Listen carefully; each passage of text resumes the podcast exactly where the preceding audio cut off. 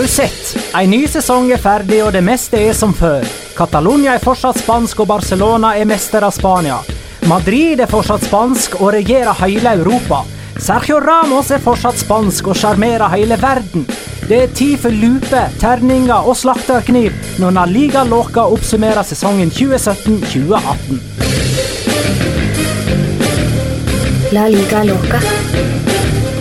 En litt gærnere fotball. Hei. Dette er eh, episode nummer 39, det da, eller? Ja, det blir jo det.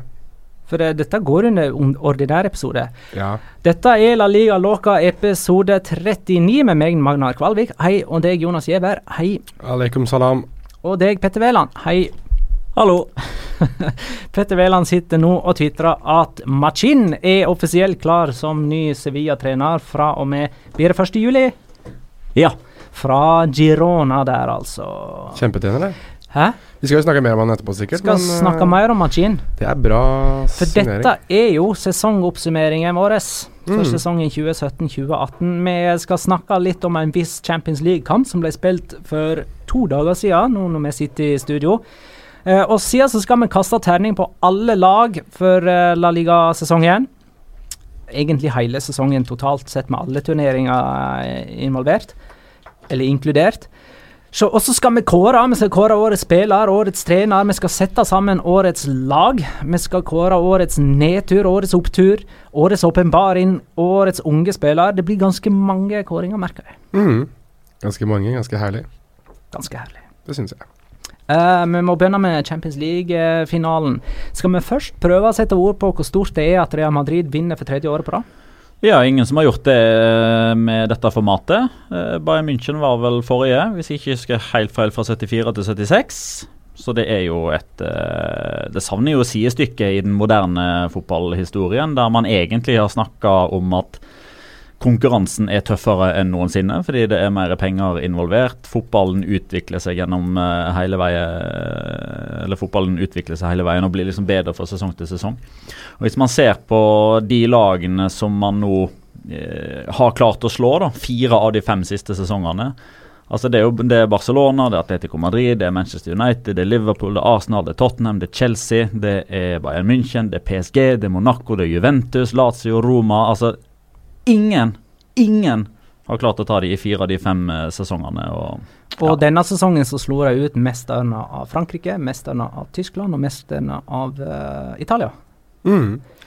Uh, I et sånn her historisk perspektiv, jeg har lyst bare å nevne det. Jeg las, jeg tror det var Jonathan Wilson som skrev i uh, Guardian at da Bayern München vant tre år på rad på 70-tallet, så vant de serien bare én av de årene. Uh, og den ene sesongen så ble de faktisk nummer ti i serien. Mm. Eh, da Real Madrid på 50-tallet vant fem år på rad, så vant de serien bare to av de sesongene der. Eh, jeg tror Ajax, da de vant tre år på rad, Europa, eh, altså serievinnercupen, så vant de to ganger ligaen i den perioden. Mm. Så sånn i det historiske perspektivet der òg, så er faktisk tre Champions League-titler og én serietittel i den perioden egentlig helt normalt. Ja. Det, det er ikke sånn at de stikker At de er en sånn odd one out som ikke klarer å vinne serien alle de tre årene òg, liksom. Nei, det er vel ikke bare én av tre, det er vel én av fire òg, hvis vi tar med den i 2014. For Ja, da ja. vant de jo heller ikke La Liga. Eh, Det forteller jo litt om hvor vanskelig det er å vinne de to turneringene. da, Som regel så, så Man er kapable til å vinne den ene, men da går det på bekostning av den andre. Mm. Eh, og der framstår da 2016-2017 som, som, eh, som regelen som nei, unntaket som bekrefter regelen. Enig. Ja, skal vi si litt om prestasjonene på banen? Hvorfor vinner Real Madrid kampen? Ja, hvor skal du eh, Hvor skal man begynne? Er det så enkelt som å si Loris Karius der, eller? Det er jo han som til syvende og sist blir, som blir forskjellen. da. De vinner med to mål, og to av de er om ikke sjølmål, så i alle fall eh, mål som eh, Karius må ta på, på si kappa. Jeg pleier som regel å si at man er ikke Eller jeg pleier ikke å si, men folk pleier å si at man er ikke sterkere enn det svakeste leddet. Og Mm. det svakeste leddet for Liverpool sin del var Loris Karius. Det er Liverpool-keeperen som gjør tabbene, ikke Kelo Navas. Det var Sven Nolreich som dreit seg ut i, uh, i semifinalen. Det var ikke Kelo Navas. Uh, og forbløffende ofte så klarer Real Madrid å være på, på riktig side av, uh, av den balansegangen der. da man, man, har et forbløffende høyt minstenivå i Europa. Man er ikke nødvendigvis oppe og, og, og banker på terningkast seks-døra med tanke på prestasjoner i kamper. Jeg syns vel, altså med unntak av bortekampen mot Juventus, der man vinner eh, 3-0 eh, Første laget på veldig mange år som i det hele tatt klarte å skåre tre borte mot Juventus, og så mm. gjør man i en sånn anledning. Den kampen sto resultatmessig og for så vidt òg prestasjonsmessig til bortimot terningkast seks. Ellers er man liksom man sørger bare for at man, man bikker aldri ned på treeren. Man er alltid minimum på fire, som regel på fem, og så banker man på sekserdøra av og til. Og det holder. Mens man, bruk, man bruker opp toerne i uh, La Liga. Og, og Copa del Rey. ja. Men er det nettopp det, eh, det, at de ikke er helt oppe på seksernivået for hver runde, uh, som gjør at det, man får liksom en følelse av at det er en historisk prestasjon, uten at de er historiske, på et vis? Jeg tror at det, som er med, Real Madrid, er det at de, de, har alltid en måte å vinne på. Jeg, jeg synes det var veldig interessant, uh, for det, var så kort sagt, men Eh, på finaledagen da, så ble, ble Florentino Perez spurt om, om, hva han tenkte om finalen, og da svarte han ganske kort at eh, vi er de samme som alltid, og i kveld så skjer det samme som alltid skjer. Og det er jo litt, blitt litt sånn nå at uh, Real Madrid er de samme spillerne, det samme personellet. Vi, vi, vet egentlig hva de står for, vi vet egentlig hva de kommer til å gjøre. Og så skjer det samme som skjer nesten hver eneste gang. De vinner.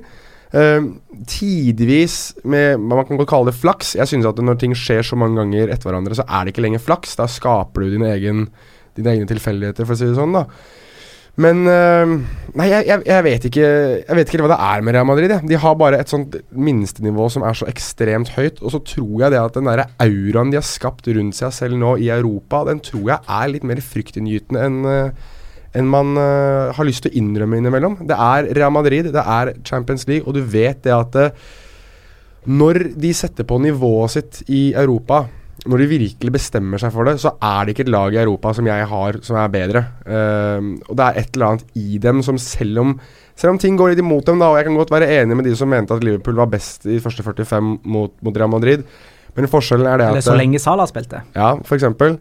Uh, men det, det, er litt det at uh, jeg tror Real Madrid er sånn som alltid tenker, har, har i bakhodet at jo, jo, det går litt mot oss nå, men til slutt så er det vi som vinner. Skal unna, skal, vi skal ikke undervurdere den psykologiske effekten, og det er jo eh, typ medalje nummer to de får av å vinne trofeer. Det er jo nettopp det her at det er litt det samme som uh, Fergie Time. Eh, altså, ja. ikke, altså, til slutt så slutter det å være tilfeldigheter når man kamp etter kamp etter kamp klarer å avgjøre, og det er ikke bare fordi man sjøl vokser og får selvtillit, men det står, en, uh, det står et lag på motsatt banehalvdel som som veit hva som pleier å komme. Og når man mm. begynner å tenke konsekvenser og sånn, da, så der har eh, Altså, det er jo det man får på, på plussida for Real Madrid sin del, da. Og når suksess avløser suksess, så skjønner jo folk at eh, her er det virkelig noe å frykte i tillegg. Mm. Men de har liksom ikke klart å definere fotball på nytt, sånn som kanskje Milan klarte på slutten av 80-tallet, begynnelsen av 90, eh, og litt sånn som Barcelona klarte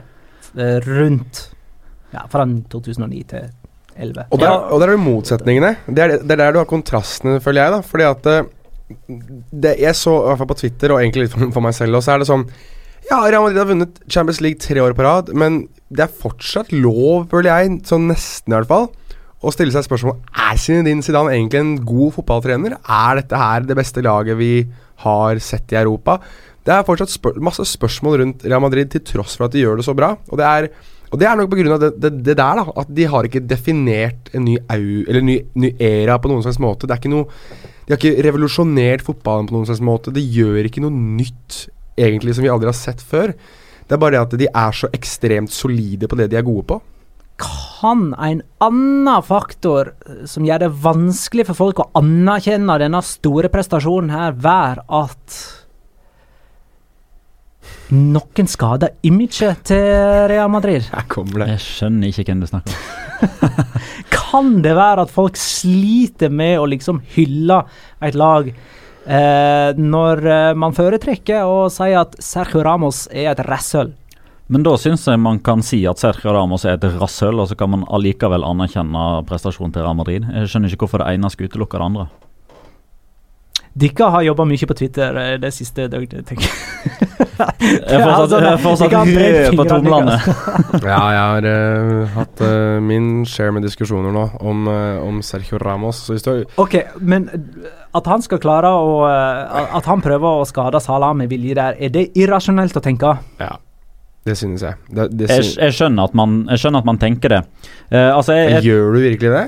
Tro, altså, ikke Nei, ikke, ikke isolert sett i den hendelsen. Uh, for det, det, det har jo liksom vært mitt standpunkt fra, fra jeg så de første bildene. der, at jeg tenker at Sergio Ramos går ikke inn i den duellen der med et mål om at Mohammed Salah skal ut eh, ti sekunder etterpå. Nei. Det tror jeg ikke. Nei. Men Sergio Ramos er den typen som, som, som spiller over grensa, og som ikke bryr seg om at konsekvensen kanskje blir at vedkommende ut med skade. Men Det er men, men det som jeg er litt sånn irritert over, da, med, med tanke på all polarisering, og at man, eh, man skriver med capslock og, og snakker med utestemmer i, i akkurat denne situasjonen her, da, at man akkurat i det øyeblikket Mohammed Salah blir liggende, så glemmer man helt at dette her er en fotballkamp, og man tar ikke inn over seg hva som hadde skjedd. Om ikke Mohammed Salah hadde blitt liggende. For Hvis Mohammed Salah hadde vært den som da hadde reist seg opp først, så hadde Liverpool vært gjennom fire mot to, fire mot tre. Og det er derfor Sergio Ramos ikke slipper.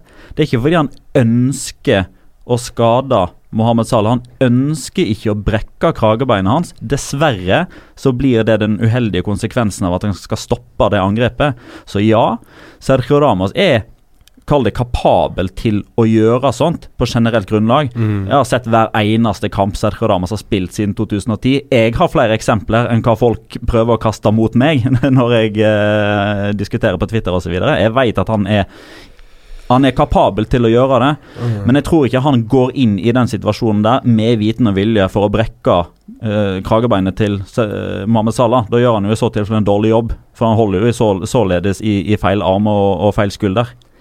Um, det kan jo, eh, apropos det at du har sett mange uh, Ramos-kamper, det kan jo være at vi som har gjort det, eh, faktisk er litt herda. Eh, for at når folk får disse her kompilasjonene nå Ja. på nettet og ser liksom alle taklingene han har gjort på Messi opp gjennom året, og, og liksom oppdager hvor fæl han har vært de siste fem årene, så er ikke dette noe nytt under solen. Nei, altså, Sergio Men- Ramos er en kødd. Han, han er var- en drittsekk. Og vi satte han opp på årets wrestlerlag for to Ja. siden. eh, og vi satte ikke opp noe årets wrestlerlag i fjor, men han var der. Ja. Eh, og han var der året før der, Ja. og året før der, og året før der. Men jeg, men jeg synes at det er interessant at det kommer nå. Jeg synes at det, jeg, det, Men det er ikke jo på Nei, grunn det- ja. av Jo, jo, det er greit nok. Og det, når det skjer, og hvem det skjer med, eh, med, med tanke på spilleren, og Ja. ikke minst klubben han spiller for. Men nå skal vi men Det er blitt en sånn derre Nå skal man ta Sergio Ramos-greie. Og det er greit nok at eh, i Norge så er det flere Liverpool-supportere, og jeg, jeg kan akseptere alle all de greiene der, men man snakker om dette her som det er en ny greie.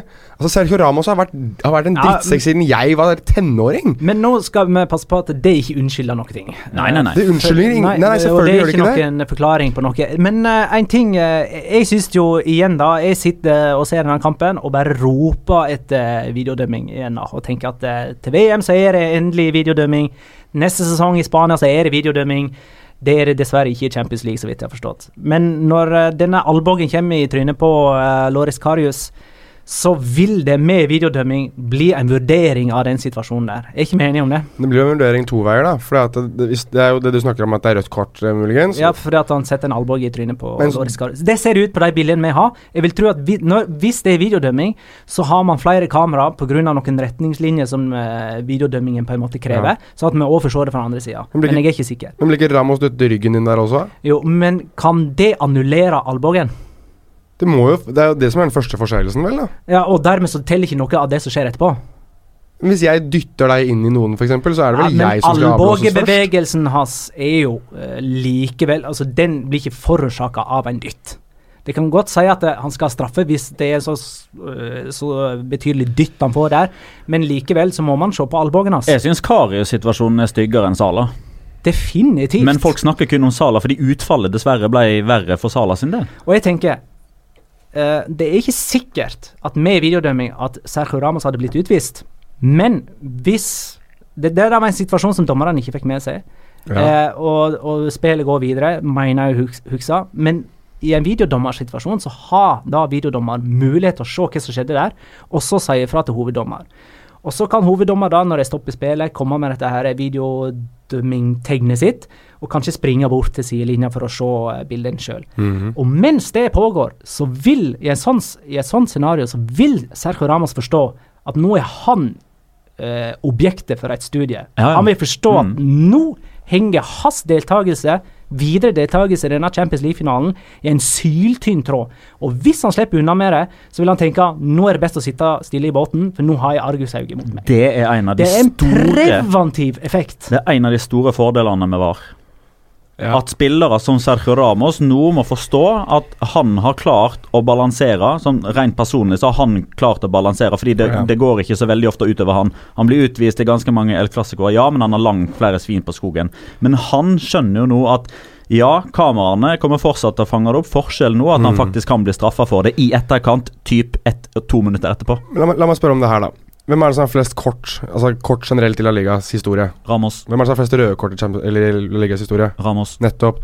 Det beviser for meg at Sergio Ramos er en spiller som historisk sett, og selvfølgelig nå også, har alltid, alltid spilt på kanten. Alltid vært nær altså, si kanten av regelboka, da, uansett hva det er han har gjort for noe. Ja, Ja, det er mange ganger hvor han ikke har blitt straffet, men å sitte og si at eh, han er en gris som alltid kommer unna ting, er også feil.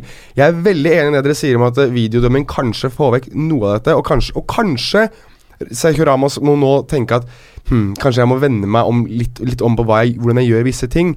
Men jeg synes at det å eh, på en måte skulle henge han ut for å være en gris og, og en stygg spiller, når vi også vet hvilken fantastisk god forsvarsspiller han er, og hvor god han har vært i en årrekke både for Spania og Real Madrid, at den ene skal på en måte utligne, eller ødelegge for den andre, det, det, det kjøper jeg ikke, enkelt og greit. Det er nok eh, mulig å hylle fotballspilleren uh, Sergio Ramos og, og slakte den sportslige sida ved han Det er lov. i, i to spann. La oss eh, ligge den død. Eh, vi er nødt til å snakke om Cristiano Ronaldo og Gareth Bale, som begge hadde uttalt seg etter kampen. eh, som antyder at eh, de ikke er 100 tilfreds med ståa. Gareth Bale hadde en fantastisk avslutning på denne sesongen. og Nå eh, kan ikke vi si at han bare skåra mot ferdigspilte lag. Han skåra et briljant mål i eh, Champions League-finale. Eh, og har hatt involveringer i Altså viktige involveringer i samtlige tre siste Ja. Champions League-finalene. Ja. Eh, er det sånn at det blir for mye med de begge to? I Tre, Real Madrid? tre av de siste fire. Tre av de siste fire før han var involvert. Det var i i- 2014. i, Ja, Og de, men de hedda eh, eh, ja, mm. Ja, for i 2016, I 2016 så var han jo ikke- egentlig involvert, nei. Nei, ikke direkte. Så, Nei. Så hadde han jo et Han var brukbar i, mot Juventus, var ikke det Skåra han da? Nei, I fjor? nei han, han skår, hadde- skår ikke da. Han var involvert. Han, starta, han starta ikke, han kom inn. ja, jeg mener Og hadde en målgivende eller noe sånt. Ja, Men uh, i hvert fall i 2014 og 2018 så var han uh, med, med på å avgjøre i 2014, og helt avgjørende i 2018. Spørsmålet. Er uh, situasjonen til den ene avhengig av den andre, av Cristiano Ronaldo og Gareth Bale? F.eks. hvis Cristiano Ronaldo nå skulle komme til å ha en offisiell uttalelse i løpet av disse dagene, som han har annonsert, og det betyr et eller annet at eh, Real Madrid ikke er hans fortid, framtid, er da Bale eh, nummer én? Jeg tror hvis man tar Benzema med i ligninga, da snakker vi Hva snakker vi? at hva som skjer med den ene, kan ha noe å si for de to andre. Det kan hende at Benzema forsvinner, og at Cristiano Bale blir. Det ser ikke jeg på som en umulighet, selv om Benzema ennå ikke har sagt noe som helst. Men, eh, men jeg føler jo at eh, både altså Cristiano Ronaldo og Gareth Bale la ut agn umiddelbart etter, eh, etter finalen. Men jeg tror de la det ut på litt forskjellig premiss, eller med et ønske om å oppnå to forskjellige ting. Um, Cristiano Ronaldo har vel sagt, uh, om ikke noe lignende, men, men de to andre gangene man har spekulert i framtida hans uh, Det var etter dette målet mot Granada for en tre-fire år siden, og man begynte å snakke om Tristiano fordi han ikke, feir, feira. Han sa han var trist etterpå, han, og, og, og sånne type ting. Det endte med ny kontrakt. Så var det etter dette skattegreiene for, eh, for et år siden, der man snakka litt med noen portugisiske journalister. Bang, der kom forsida på, på Abola, og Cristiano er misfornøyd og vil bort. Hva endte det med? Bang, ny kontrakt. Jeg tror, det, jeg tror, vi er inne på noe av det samme. For Det som har skjedd etter at Cristiano Ronaldo signerte sin forrige kontraktsforlengelse, det er at eh, Messi og Neymar har eh, enten signert ny kontrakt eller signert for en ny klubb og fått mer i lønn. Jeg tror det er det det handler om. Grunnen til at disse spekulasjonene kom, det var jo fordi han skrev 'Fue Bonito' eh, og spiller her istedenfor S. Benito. Altså han uttalte seg i preteritum istedenfor i notid. Uh, men samtidig så André Østgaard, uh, som både meg og deg kjenner, og som du kanskje vet hvem er, han Santos-fyren på, på, Twitter. Mm. Han snakker jo portugisisk og sier at uh, fue det er både fortid og nåtid på portugisisk, så det kan bare være en form for ja, det at man blander litt portugisisk inn i bøying av verb og notid og, og sånne type ting. Men uh, på Santiago Bernabeu i går så sa han jo noe helt annet. Da var det at uh, dette her er helt fantastisk, og lagkameratene mine er helt fantastiske, og dere er helt fantastiske. Dette har, vært, dette har vært et fantastisk år, og vi ses neste sesong, og, og sånne type ting. Det var vel først og fremst det. Vi sees ja. neste sesong. Og det, fikk noen med seg George Mendes, som ble intervjuet i uh, Onda Zero? Nei, jeg fikk ikke det med meg. Fikk dere det med dere? Fortell meg. Han klikka i vinkel. Han øh, Å, nå husker hvem som var journalisten, men i hvert fall han spurte, spurte en del om Altså Nå vil Real Madrid-fansen vite Altså Han har på en måte lagt ut et agn her selv, kan du si noe? Og da var liksom Mendes var sånn Ja, dette er en stor dag for Real Madrid, og de har vunnet Champions League, og la oss heller nyte at de har vunnet Champions League, Ronaldo er best i verden, bla, bla, bla. Og så fortsetter denne journalisten da å mase på, på Mendes, da. Og til slutt så øh, bare hører du Uh, Mendes bare hyler 'stopp, stopp, stopp question' på, på engelsk. Og så uh, prøver han igjen, da, han journalisten, og da hører du bare Og nå beklager jeg, pardon my French. What the fuck are you doing? Fuck off! Hører du bare George Mendes hyler og skriker i bakgrunnen. Og det, altså det, er, det er helt surrealistisk å høre på. Det var på El Transistor. Jeg sa Hva er det som foregår? Og så liksom blir de blir venner på slutten. Da var liksom sånn Ja, jeg er her med, med, venner og kollegaer, og jeg jobber, og du jobber, og jeg skjønner at du har din jobb, og blablabla. Men det var sånn Hæ, er det og, og det, og jeg, For han hadde snakket portugisisk-spansk før, så jeg skjønte at det var George Mendes. For jeg tenkte at det må være Kanskje de lurer folk, lurte jeg på først. Om det er noe sånn Noe jeg ikke har fått med meg. Altså, du vet jo 1. april eh, faller jo på en litt annen dato i, i uh, i Spania eller latinamerikanske land enn de gjør i, i, Norge. Sånn den dagen de lurer folk på. Eh, så jeg trodde kanskje det var noe sånt som ikke jeg hadde fått med meg. Men jeg så jeg fant til slutt ut at nei, det her var faktisk George Mendes, da.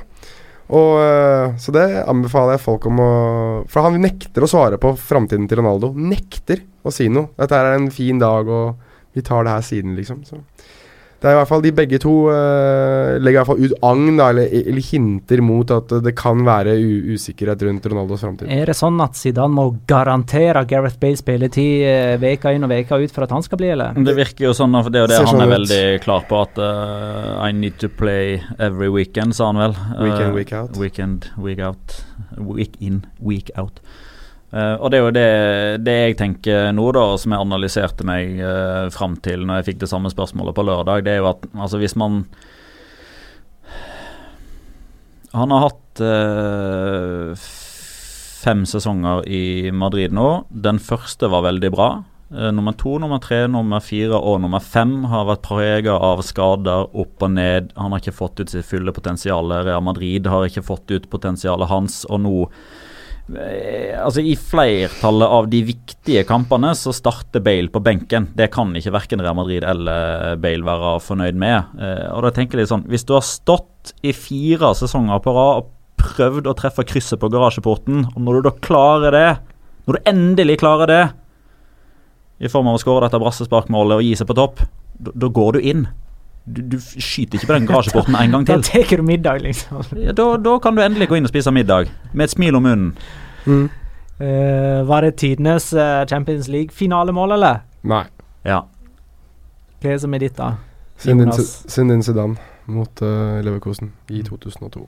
Men det, mer, men det, er mer, fordi det var så Altså Bale sin er veldig spontan, den er jo nydelig. Det er jo det er ikke noe å si på det. Det er, det er jo så vidt uh, jeg har Zidane foran, men det er noe majestetisk over det Ballen slås inn, og så ser du altså Zidane følger ballbanen hele veien, retter kroppen sin opp, og så akkurat idet ballen faller perfekt, så rapper han til med, med feil fot i tillegg, da.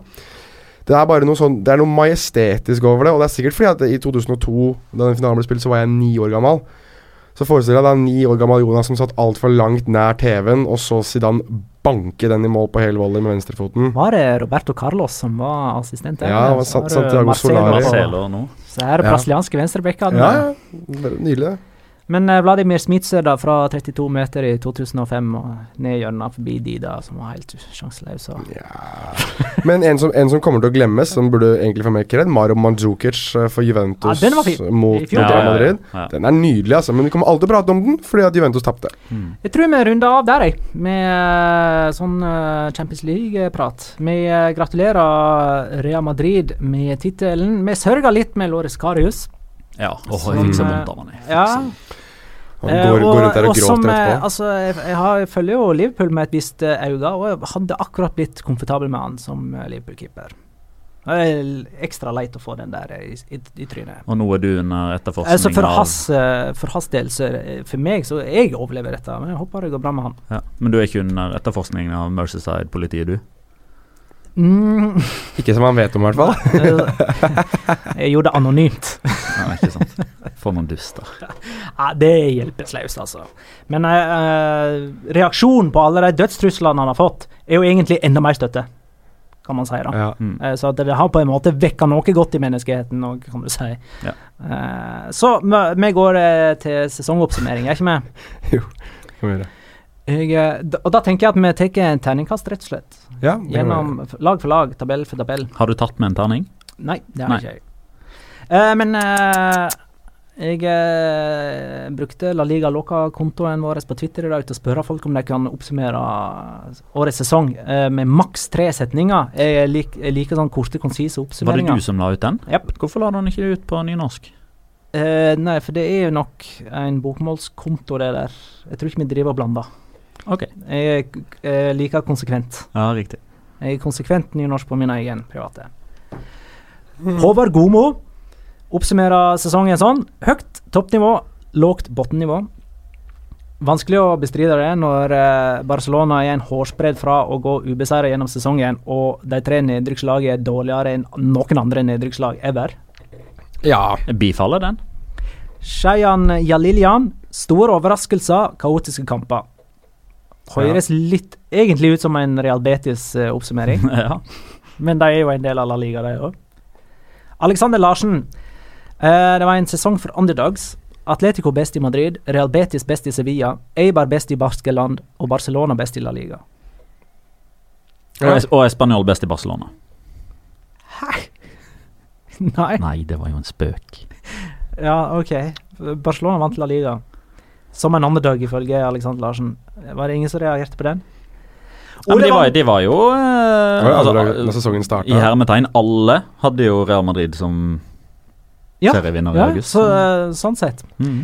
Ole Vannbakk. Eh, det var en sesong der de to fra Madrid erobra Europa, mens katalanerne måtte holde seg i Spania. Eh, og jeg må innrømme at jeg brukte Jeg lånte litt av den der til introen min eh, i dag, for jeg hadde faktisk glemt det perspektivet med at eh, Catalonia prøvde å stemme seg ut av eh, Spania. Det føles som en evighet siden. Ja, det det er lenge siden. Eh, men da kan vi jo like godt bønne med Barcelona, da. Ja. Som eh, vant La Liga med 93 poeng. 14 poeng framfor Atletico Madrid! Det var deres 25. La Liga-tittel. Eh, for øvrig, som Leo påpeka tidligere, Barcelona tok egentlig ikke så mange poeng som det seiersmarginen deres skulle tilsi. Mm. I 12-13-sesongen så vant de jo med 15 poeng ned til nummer to, men da hadde de jo 100 poeng, og lag nummer to, Real Madrid, hadde 85. Eh, så Atletico Madrid på andre med R79 eh, blir det første laget i dette tiåret som tar færre enn 80 poeng som nummer to i La Liga. Terning på eh, Barcelona Og nå presiserer vi at dette er for uh, hele hele sesongen. sesongen, ikke bare La Liga. Og da, uh, da havner jeg på en femmer. Mm. Der da helt åpenbart Champions League trekker ned. For det går jo ikke an å gjøre det bedre i Spania. Man Terningkast vinner- 60 i Spania. Terningkast 6 i Spania. Terningkast 3 i Europa, men til sammen så blir det en, en, eh, en femmer, da. Ja, jeg er ikke uenig i det. Eh, hadde de gått forbi Roma eh, i, i Champions League og røket i Hva hadde det blitt for noe? Kvartfinale?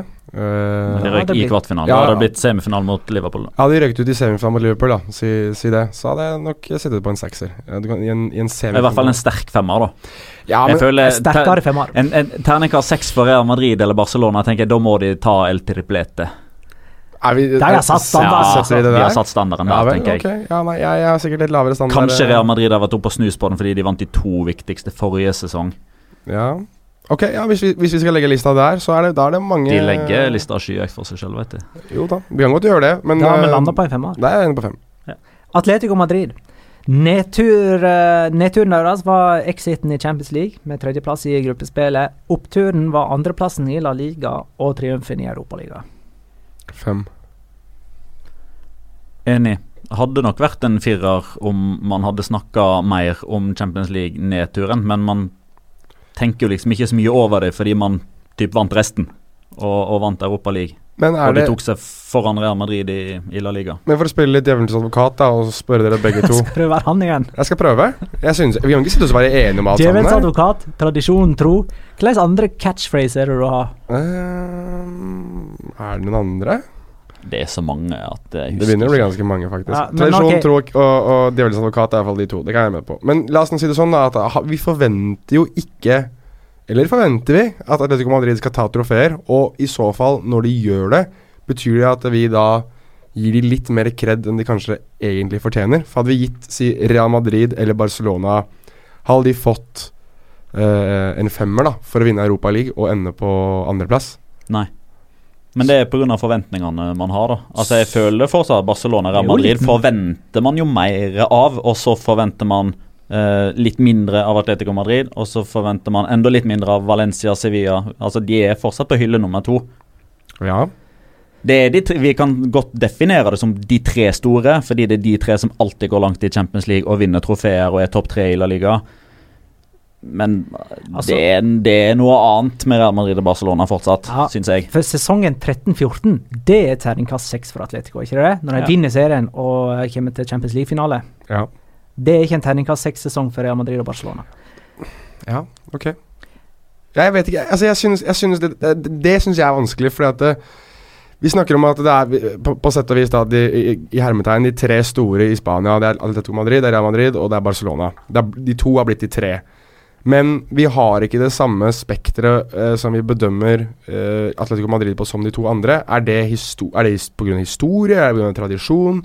Hva, hva legger vi til, til rette for at Atletico Madrid skal få lov til å få en uh, en, en såpass god karakter, da, selv om de egentlig har skuffet litt. For, for min del så er det totalvurderinger. Barcelona og Real Madrid har alltid vært der. Atletico Madrid har kommet der nå de siste seks-sju årene. Eh, økonomisk er det fortsatt stor forskjell. Eh, det eneste man snakker om rundt Barcelona og Real Madrid, er hvem de skal hente. Det man snakker om rundt Atletico Madrid, er om de klarer å beholde Griezmann og Oblak. Eh, registreringsnekten i sommeren tar jeg med i betraktninga, som gjør at man ikke klarte å forsterke laget før i januar. De har hatt en tynn tropp. Sånne type ting. Første sesong på ny stadion, som Nei. det ofte er litt usikkerhet rundt. Terningkast fem. Real Madrid. Ja, det er greit uansett. Gå videre. Men da må jo de få en femmer, de òg, da. Jeg Fordi- syns ikke det er feil. Og eh, at Real Madrid får terningkast fem. Ja, men en, en Ta med Copa ja, del Rey. Hva, eh, hva er terningkastet aleine på Copa del Rey? To. To! Om ikke bare én, Er faktisk. ikke det en einer? Eh, Hvis de, vi skal bruke hele terningen, liksom. Det Tok seg jo forbi Nomancia, da.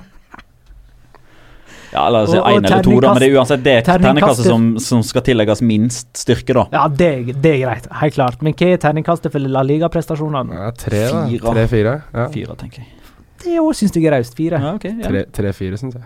Men terningkastet i Champions League er jo seks. Ja, de Det er jo, klink da. inn. Ja, og jeg tenker det er Det har jo etter hvert nå blitt det klart viktigste òg.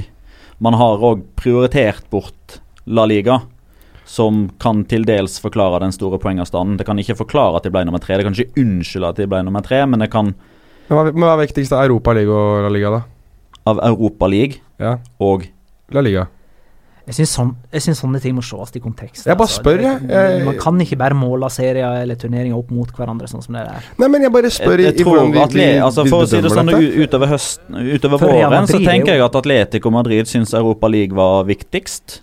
Eh, Real Madrid syns Champions League var viktigst, og begge ga litt, litt beng i La Liga. Og, og hadde liksom Hadde situasjonen vært omvendt, at uh, det var Real Madrid som var i Europaligaen, så hadde jo de prioritert serien på det tidspunktet. Med mindre de var så innmari hekta av dem. Det var de jo. En svak femmer havna jeg på. femmer havna vi Sånn her på, sett. på Re- Men- Real Madrid. Men det er vanskeligere å vurdere, syns jeg. Ja, jeg syns det. Jeg syns det. det, er- det går fra helt ræva prestasjoner ja. til helt fantastiske prestasjoner. Ja, nei, jeg kan godt I eh, turnering, altså, ikke bare i enkeltkamper. Jeg bare, Turneringen ja, jeg bare spør, jeg. ja, det er bra at du spør. Valencia.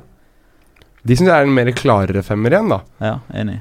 Fordi at eh, nå har de på en måte jobbet seg inn igjen i eh, det glade selskap i, i Champions League. De Uh, var altså mer Nå kom jeg ikke på det gode norske ordet, men consistent, som man sier på engelsk. Altså de, de, de fant seg selv litt igjen, da. Uh, og så jo Vi snakket jo om det at det, tidvis, i hvert fall på, på høstparten, så vant de kamper som de vanligvis ikke skulle ha vunnet. Det er sånne kamper som Valencia hadde enten gitt bort to poeng eller alle tre. Um, så de har under Marcellino har vokst veldig uh, denne sesongen her. Og inn i Champions League, fjerdeplass i, i La Liga, det må være eh, karakter fem, spesielt hvis du ser på hvordan det har vært de siste par sesongene. Gary Neville, Prandelli Paco eh, Ayestaran. Paco. Altså, det har vært så mye surr og leven i den klubben der. At det, å klare det i Marcellinos første sesong, det er uh, for meg en femmerprestasjon som er mer klar eh, for Valencias del enn jeg synes femmere for Real Madrid og Atletico Madrids del er. Alle topp fire-lag får en femmer, men med ulik styrke. Ja. Real Madrid den svakeste femmeren. Man kunne kanskje ha differensiert hvis jeg hadde hatt typ skala fra én til ti. Men siden det ble Nå, nå ble det terningkast terningkast. Ja. Det var noen som tipsa oss om det skjønner på Ja. Twitter. Jeg husker ikke hvem det var. Men nå, så da har det blitt det. Eh, Vi skal straks gå videre til Europaliga-laget, men først så vil jeg bare ta en sånn her greie eh, og påminne folk om ting som eh, man lett kan glemme fra denne sesongen, eh, men som vi aldri likevel må glemme. Eh, jeg tar tre sånne punkt nå. Én. Messi skåra frispark i tre seriekamper på rad i stigende rekkefølge.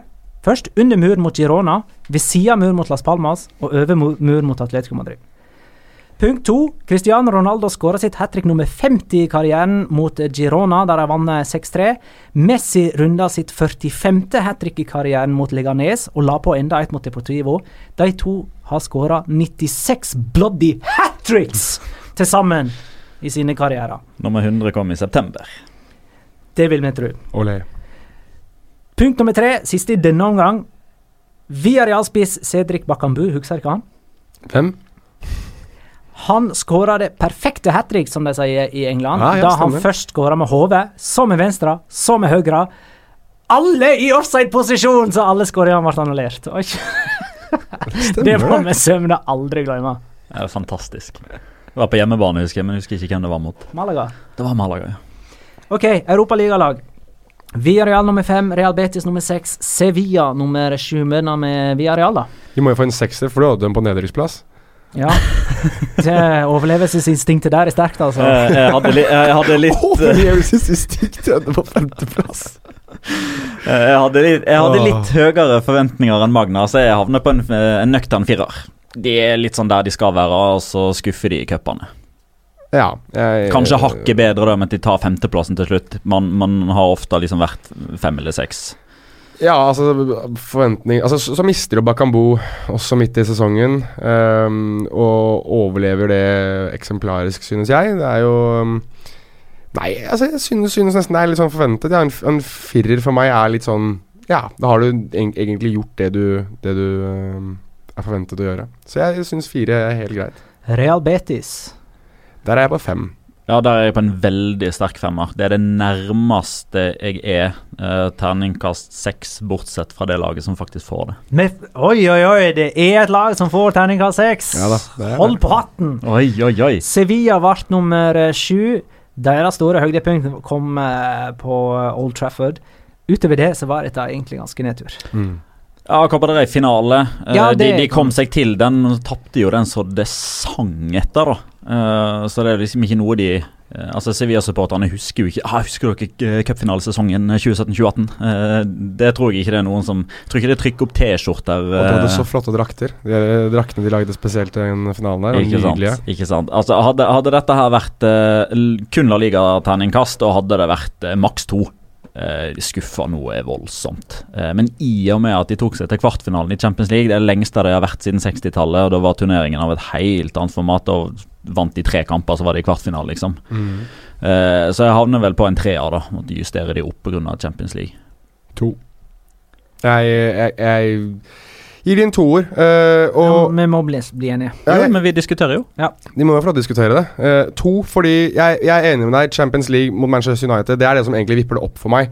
At de går til finalen i Copa del Rey er greit, og jeg er enig i at det er en kjempeprestasjon, men når du blir så til de grader pissa på Altså, det er så ekstrem pissing også. Det er ikke Det er, det er sånn at du, du blir flau nesten av å være supporter av det laget hvis du er det på, på stadion. For at du blir så ettertrykkelig driti over hodet. Så jeg, og når de da i tillegg. Ja, ja. Det er mye, det er mye, kropps, det er altså. mye kroppsvæsker som skal legges over på, på Sevilla. Men når de da i tillegg også klarer å sparke kreftsyke treneren sin på lille julaften eller julaften eller hva det var for noe, da får du ikke høyere enn en toer eh, hos meg. Og den toeren den vipper jeg Altså jeg vipper opp fra én til to på grunn av eh, hvor imponerende jeg syns de var i Champions League mot Manchester United, mot Liverpool, men også mot Bayern München. Jeg syns ikke de var dårlige der heller. Det er sesongavslutning. Jeg skal være raus. Jeg er enig, Jonas. Jeg kan, jeg kan eh, bli med på en toer, uh, så spørs det på okay, deg, da, Magna. så, så du er raus ved å ikke gi tre, men to? Nei, men jeg er raus med Ja, Jonas. skjønner. Nei, men uh, der er to mot tre, én uansett, da. To, To, da, to. på uh, Sevilla, men det er jo artig, det, da. Eibar Girona Unnskyld. Getafe, Eibar Girona. Uh, jeg snakker ikke om de som rykker ned, men tvert imot de som endte på øvre halvdel av tabellen. Åtte, ni og 10. Begynner vi på Getafe der, eller? Nei, uh, jo. Ja. Riktig. Uh, ja, jeg gir dem en femmer, jeg. Eh, rykker opp. Er tro, tro til sin egen stil. Den er ikke det flotteste, men den er uh, effektiv. Jeg synes Bordalas får mye ut av, uh, av en egentlig ganske begrenset tropp, foruten at de ikke klarer å ta straffespark. Um, så når du, når du er nyopprykka og ender på, på åttendeplass Slippe inn tredje sist, eh, eller tredje minst, Ja. i La Liga. Solide, kompakte, kjipe å møte, egentlig. Ganske kjipe å se på tidvis også. Ikke noe underholdningsmessig morsomt lag, men de gjør det de skal, og så er de Skal vi se, de er tre poeng unna uh, Europa League-kvalifisering i opprykkssesongen sin. Eh, da får de av meg en femmer, men jeg synes at de, de hadde, hadde de klart å holde koken ut sesongen, så hadde de faktisk vært oppe og snus på en sekser hos meg.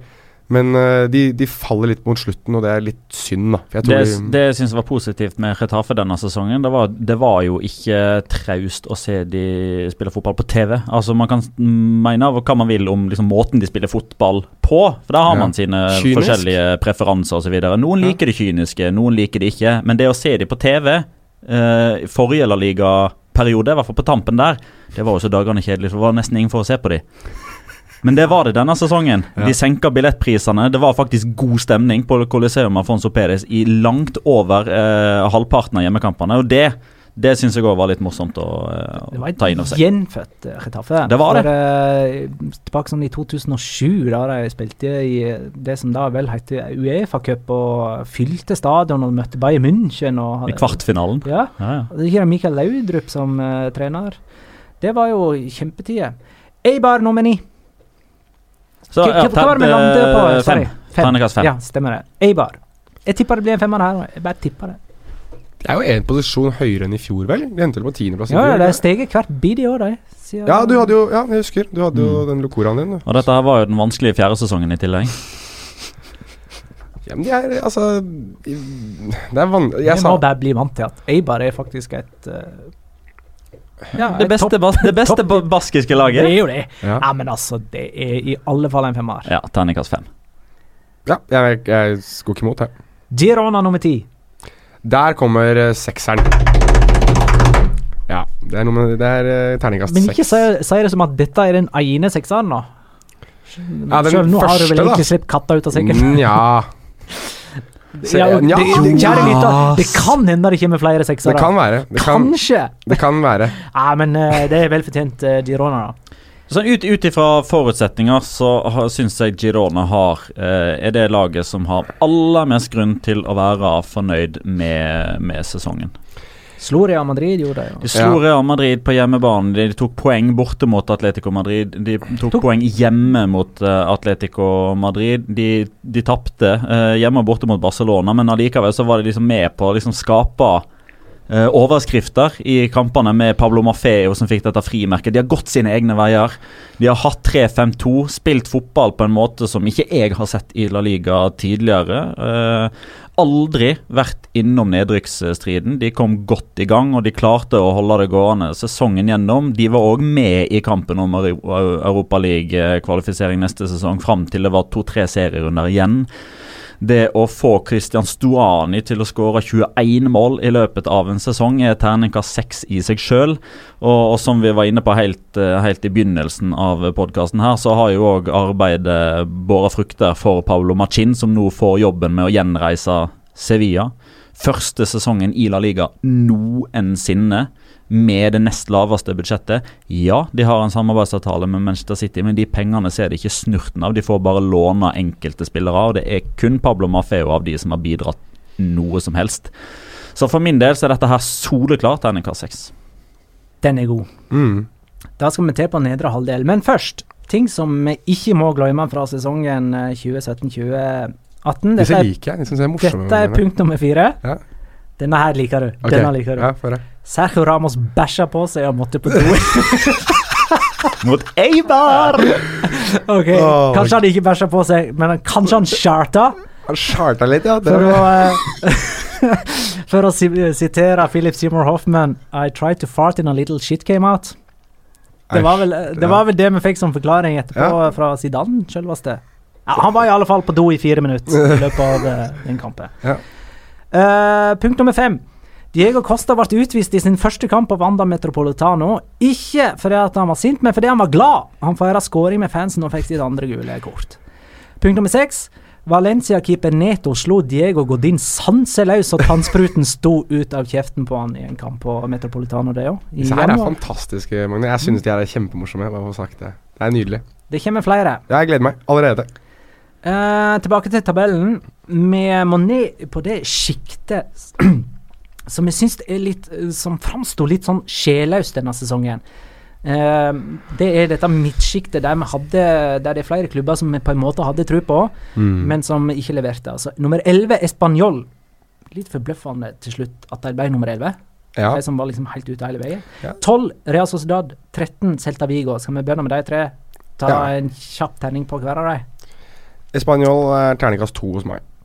Uh, når du ser på den troppen, når du ser på de midlene de har hatt, når du ser på den satsingen de har hatt uh, Å spille så kjedelig, så blodfattig og så lite entusiastisk fotball, og samtidig ikke få noe som helst ut av det Man, Vi snakket litt om Chetaffe her i stad, som tidvis har sett kynisk og, og litt kjedelig ut tidvis. Eh, men, ha, men det har vært resultater her hele veien. Español har ikke fått til noe som helst. Ja, de hadde en eh, god opplevelse i Copa del Rey mot, eh, mot eh, Barcelona. Var vel det første laget som, som slo Barcelona i år.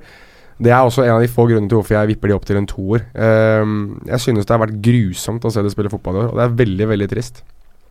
Så de eh, får ikke noe høyere enn toer av meg.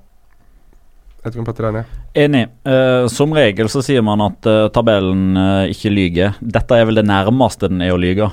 Espanol eh, poengmessig godt mulig, men de var ikke det ellevte beste laget. Fotballaget i Ble du redd da på slutten etter at Kike Sanchez Flores Og eh, møtte eh, kun lag som ikke hadde noe å spille for. Altså Girona hadde sånn teoretisk muligheten til å nå Europaligaen. Atletico Madrid kjempa, kjempa i hermetegn fortsatt om å havne foran eh, Real Madrid, men de tenkte Europaliga-finale. Så de tok, eh, de tok ti poeng eh, under David Gallego de siste tolv kampene og byksa fra 16. til 11. eh, Og det er jo A-poeng med Real Sociedad og Celta Vigo, så det ble terningkast to. Real Celta Vigo Nei, Real Sociedad. Real Celta Vigo. Drakk vin, jeg, vet du, før jeg eh, var- Real Celta Dad. eh, Real Sociedad får vel ikke noe mer enn en toer, de heller. Nei, det synes jeg ikke de skal ha. Ehm, Altså, jeg, har jo Dette har vært kjepphesten min hele sesongen med Sebe Sakristan og Forsvaret som, som lekker mål og det som er.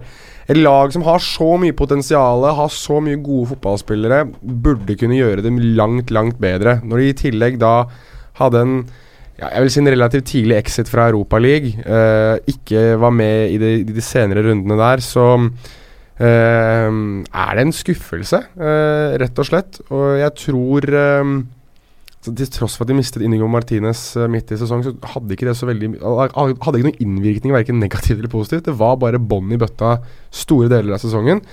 Eh, til tross for det, så er det kanskje også det laget som har hatt altså både Alvaro Odriozola og Mikkel Orazabal, som eh, sto fram som to viktige bærebjelker i det laget der. Så det blir spennende å følge de årene som kommer.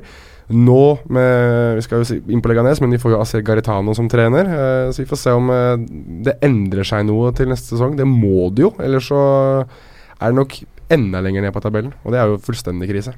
Lander vi på to? Ja. Eh, rett bak Real Sociedad finner vi Silta Vigo. Jeg syns nesten det er en toer der òg, jeg. Uh, Kanskje, kanskje sterkere enn Real Sociedad og, ja. og Español, men, ja. men allikevel, da. Altså, hadde, hadde, man Dette er jo nesten på grensa til en Einar. Syns du det? Ja, det, det er så lav toer du får. Hvorfor det? For mitt vedkommende. Hva, hva legger du i det? Nei, de, I fjor brukte de som unnskyldning at de kom langt i Europaligaen, der de havna på omtrent denne plassen her og var kjempeskuffa over prestasjonen i serien. Mm. Nå har de bare serien å skylde på. Det altså bare prestasjonene i serien å skylde på. Ja, jeg kjøper det. Jeg er enig, men, men, men jeg tenker litt sånn Altså, Español gir vi liksom en toer eh, fordi man havner der de havner, og fordi de var drita kjedelige å se på. Jeg lot meg underholde masse av Celta Vigo. Ja, det skal eh, Aspas har 21 mål, Max Gomez har 17 mål, Pionicisto har 11 målgivende, Daniel Wassa 9 målgivende. De, de har liksom forsøkt å bjude mer på, da. De har ikke alltid klart å eh, å få de resultatene som de prøver å gjøre seg fortjent til. Mm. Og Derfor så er det i hvert fall to. Eh, kanskje ville bikka det opp til en treer, rett og slett fordi de ønsker å spille god fotball, men det får de ikke alltid til. De slapp inn 60. Det er det bare nedrykkslaget som eh, klarer å toppe. Nei, forresten! Real Betis slapp jo inn 61, ser jeg her. Ja. Nei, men, okay, vi, kan men møte, vi, kan møtes på en toer, da. Ja, Uh, og Så kommer det ei gruppe på fire lag der jeg føler Atletic Klubb ikke hører hjemme, men de er der. Nummer 14 ble Deportivo Alaves, nummer 15 Levante, nummer 16 Atletic Klubb. A-poeng med nummer 17 Leganes. 43. Det er sånn I, uh, i en vanlig La Liga-sesong så er 43 sånn knapt så du holder plassen. Altså du holder knappe Eller du holder plassen gjerne mer, men du er nær nedrykk. denne gangen så er, du, er langt ifra nedrykk, men likevel. Levante. Nei, Deportivo Alaves. Sorry. Tar de først. 14. Snur mye Nei. Jo, det er enormt mye som, som snur der. For de lå sist ja, etter 13 serierunder med, med, med 6 poeng. Og, og, jeg tenker at ja, vi skal vurdere hele sesongen, men jeg vektlegger mest det som har skjedd nå de siste åtte månedene. Altså det er Abelardo som er trener nå, det er de spillerne som er der nå som som fortsatt er der, og som skapte prestasjonen her. Eh, sterk firer eh, faller jeg ned på. Hadde man utelukkende vurdert Abelardo-perioden, da er vi på en knallsterk femmer. Da snakker mm. vi nesten Girona. Eh, karakter, for Hvis man ser utelukkende på, på, på, perioden der Abelardo er med, så er Alaves femte-sjette beste lag. Mm. Men eh, Debiasi og Sobeldia skal jo med i totalregnestykket, og da blir det en firer for min del. Det var jo eh, det laget som jeg vel hadde som bånd sist før sesongen starta, da vi diskuterte dette, og Petter mente at uh, Bojan og Monir skulle skyte de til fornyet kontrakt. Det var jo ikke, var jo ikke langt ifra. Traff på én av to, iallfall. Ja. Monir uh, det var Gudetti, var Gudetti og Monir istedenfor. Så du hadde jo, hadde jo, rett der, men, men uh, jeg må jo si at det, det er et par uh, altså Det er et par spillere der som har imponert. Borgi syns jeg har vært god da han, da han virkelig har klint til. Pedrassa blir ekstremt spennende å følge når han skal tilbake til Villarreal nå. Han har vært på lån i, fra Alaves. Um, så sånn sett under ett, og spesielt fordi at de slo så ettertrykkelig tilbake etter å ha vært det laget vi egentlig bare hadde avskilta litt sånn halvveis i sesongen. Bare bestemt oss for at ja, ja, da blir det Alaves nedrykk igjen. Uh, jeg har vanskelig Altså, en femmer, altså. Det, jeg synes ikke det er feil, egentlig. Hvem lander på? Jeg landa på en uh, veldig sterk firer. Jeg, jeg lander på fem, altså. Ja, jeg òg, faktisk. Ok. Det blir mange femmere totalt. Ja, det blir det. Levante, da. De slår Barcelona, de. Nei, nesten så klart. Det, det må jo trekke litt opp. Det må det. Um, her er jeg litt eh, inne på samme tankegang som med Alaves, bare at Paco Lopez jeg har enda bedre resultater, men i en kortere periode, så jeg vet ikke helt hvordan jeg skal, skal vekte det. Men um, det er jo faktisk Levante som hadde den nest lengste rekka med kamper uten seier denne sesongen. De var vel oppe i 15 når han fikk, eh, når han fikk fyken etter uavgjort på hjemmebane mot, uh, mot Español. Moniz, ja. Ja, Juan Ramón López Moniz. Ja. Uh, mm, terningkastet her um, Jeg er usikker på om det blir tre eller fire. Altså De redder jo plassen, og det er liksom det som er målsettinga. De når den jo, de avslutter på, på en veldig fin måte. De slår bare Ja, OK, fire. Fire. Fire. Athletic Club. Én. Én. Én. Ja, det Det er den dårligste prestasjonen av alle lag, det. Det er det. mm. Og jeg Utrolig skuffende. Og det triste er at de lot det gå så lang tid. De lot det gå så ekstremt med, med, altså De lot jo Seganda sitte ut. Jeg, jeg skjønner ikke hvorfor ikke det hvorfor Hvem er det som kommer inn der nå? Det er ikke offisielt uh, bekrefta ennå. Det snakkes fortsatt veldig om at det er eh, Eduardo Berizzo. Mm. Men det var jo lojalitet, da, Jonas. Jo, jo, og for all del, jeg, jeg støtter, støtter jo det aspektet ved det, men, men når du ser at det går så dårlig, og det at de røk ut også av Europaligaen, det ville gitt dem en out, da. Til Jan sparken og prøve å satse på nytt, og kanskje heller få inn en annen impuls. da Vi har sett andre klubber som har hentet inn ungdomstrenere eller, la, eller andrelagstrenere, og i hvert fall hatt en liten sånn eh, oppkvikker mot slutten av sesongen. De satt jo bare der med Siganda. Det surna og surna og surna og surna. Mm. Og i tillegg til det så klarte de, de Altså med Inigo Martinez igjen, da. Så skulle det være greit. Din favorittspiller i løpet av jeg, din, Den spilleren som har hatt det største droppet i ditt bilde. vi, skal, vi skal Eh. innom skuffelse senere, Ja, og det, Spoiler alert! Ok, Terningkast 1 Atletic. Eh, Leganes. Tre. Fire. De klar, de Den vanskelige andre 43 poeng, sesongen. ja. Den vanskelige andre sesongen. Mm, de er oppe i La Liga for første gang og har Ja, klart å holde Andre seg. gang, ja. Ja, mm, ja. Tre, tre for meg. Fire for meg. Hvor mange har jeg? Jeg, jeg er raus med de de. Eller disse her unge Askeladdene. Jeg så jeg sier fire, jeg òg, altså. All right. Eh, Vet, vet du hvorfor de får tre, forresten? Rabatt. Ja, ja, riktig. Mm. Uh, før vi tar de tre nedrykkslagene, så tar jeg eh, punkt nummer sju. Katalanske lag møtte lag fra Madrid 24 ganger denne sesongen. Vant 12, spilte 7 uavgjort og tapte bare 5. Oi! Hmm. Punkt eh, nummer åtte. Barcelona slo Las Palmas 3-0 framfor 98 000 tomme seter på dagen da Catalonia kjørte folkeavstemning om uavhengighet. Ja. Og punkt nummer ni. Alex Vidal skåra i El Clásico. Han kom inn på overtid og skåra. Messi assisterte med bare én sko. ja, stemmer. Var det det eneste han gjorde denne sesongen her, egentlig? Jeg lurer på det. Altså, Egentlig så skulle jeg ha sagt bare Alish Vidal. Altså, Vi må ikke glemme Alish Vidal. Det er Ja, det, jeg hadde glemt han, så det, det er greit. Ok. Uh, på 18.-plass, med 29 stusselige poeng, finner vi Deportivo la Coruña. 14 poeng opp til uh, Leganes. 14 poeng opp til Tryggerud. Det var helt skandaløst. Og det er eh, Jeg synes det er utrolig trist at de er så dårlige som de er. Eh, fordi når jeg tenker La Liga, da, eh, som et barn som oppvokste på 90- og 2000-tallet, så er liksom Deportivo la Coronia et av de lagene som du på en måte alltid har forbundet med, med den øverste divisjonen i Spania. Så det at de er sånn litt, Det er nesten sånn jojo-lag litt. Grann. Altså det, er, det er litt opp og ned, opp og ned. Uh, og at de nå skal ned nok en gang, det synes jeg er uh, litt sånn trist hva angår nostalgi. Men hva angår nivået deres så har de tidvis vært så ekstremt nakne at det er, eh, det er for, det er veldig fortjent, syns jeg, at de rykker ned. De får en toer av meg, fordi mot slutten av sesongen så hadde de en sånn Det, det var et eller annet som våknet i dem, men det våknet bare altfor sent. Jeg håper at uh, Clarence Sedorf uh, blir med ned. Jeg håper at han uh, velger å, å satse på i hvert fall én og kanskje to sesonger til, hvis de rykker det opp. Fordi at det virket som de var eh, eh, i gang med noe spennende der. Det, det, blir spennende å se hvilke spillere de får lov til å ta med seg ned, og hvilke de eventuelt kan, eh, kan rekruttere, hvis vi kan si det på den måten, i, i divisjonen under. Men uh, uh, toer ene og alene pga. den siste innspurten, men uh, det skulle egentlig ha vært en ener. Toer. Toer. Toer. 76 baklengsmål, de fleste av alle. Las Palmas kom nest sist med 22 poeng. Fem seire hadde de. Her har Petter mye å si, det vet jeg. Hvor mange Ja. Pacos var det egentlig som tente?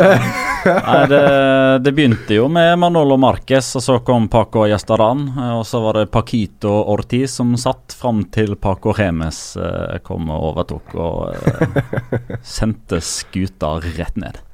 Nei, terningkast én. Du vet hvorfor det gikk, til H med, med Las Palmas, ikke sant?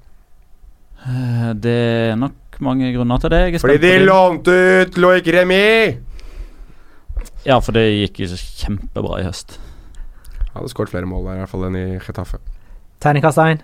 Terningkast 1. Malaga. Ja, terningkast én. Nei, Vet du hva? Eh, Den sist. Og, men men det, som det, det som var fascinerende eh, Det er kanskje ikke fascinerende, men, men det, man, det som er iøynefallende når man ser på resultatene til Malaga, det var vanvittig mange ettmålstap.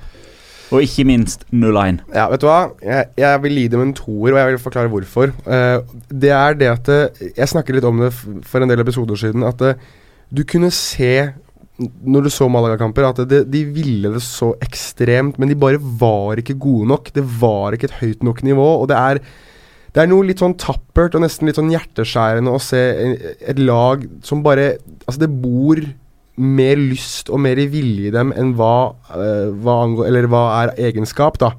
Um, så det at de rykker ned er veldig fortjent. At de er sist er også veldig fortjent. Men den, den, den viljen og det ønsket om å være i La Liga og den altså, hjerteskjærende sesongen de egentlig har hatt, den uh, Og den tapperheten som de viste tidligst også, det gjør, gjør at jeg gir dem en toer.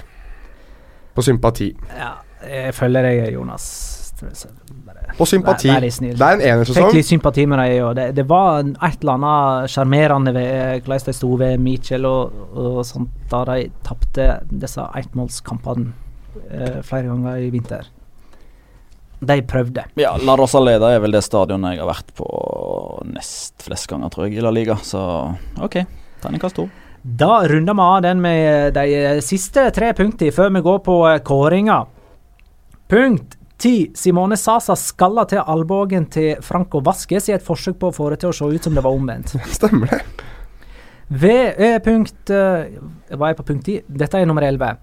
Ved nyttår hadde Paulinho seks mål, Cristiano Ronaldo hadde fire. Ved sesongslutt hadde Paulinho ni mål, Cristiano Ronaldo 26. Og punkt 12. Barcelona hadde en ball pinlig langt over streken mot Valencia. Det var mål! Det var mål.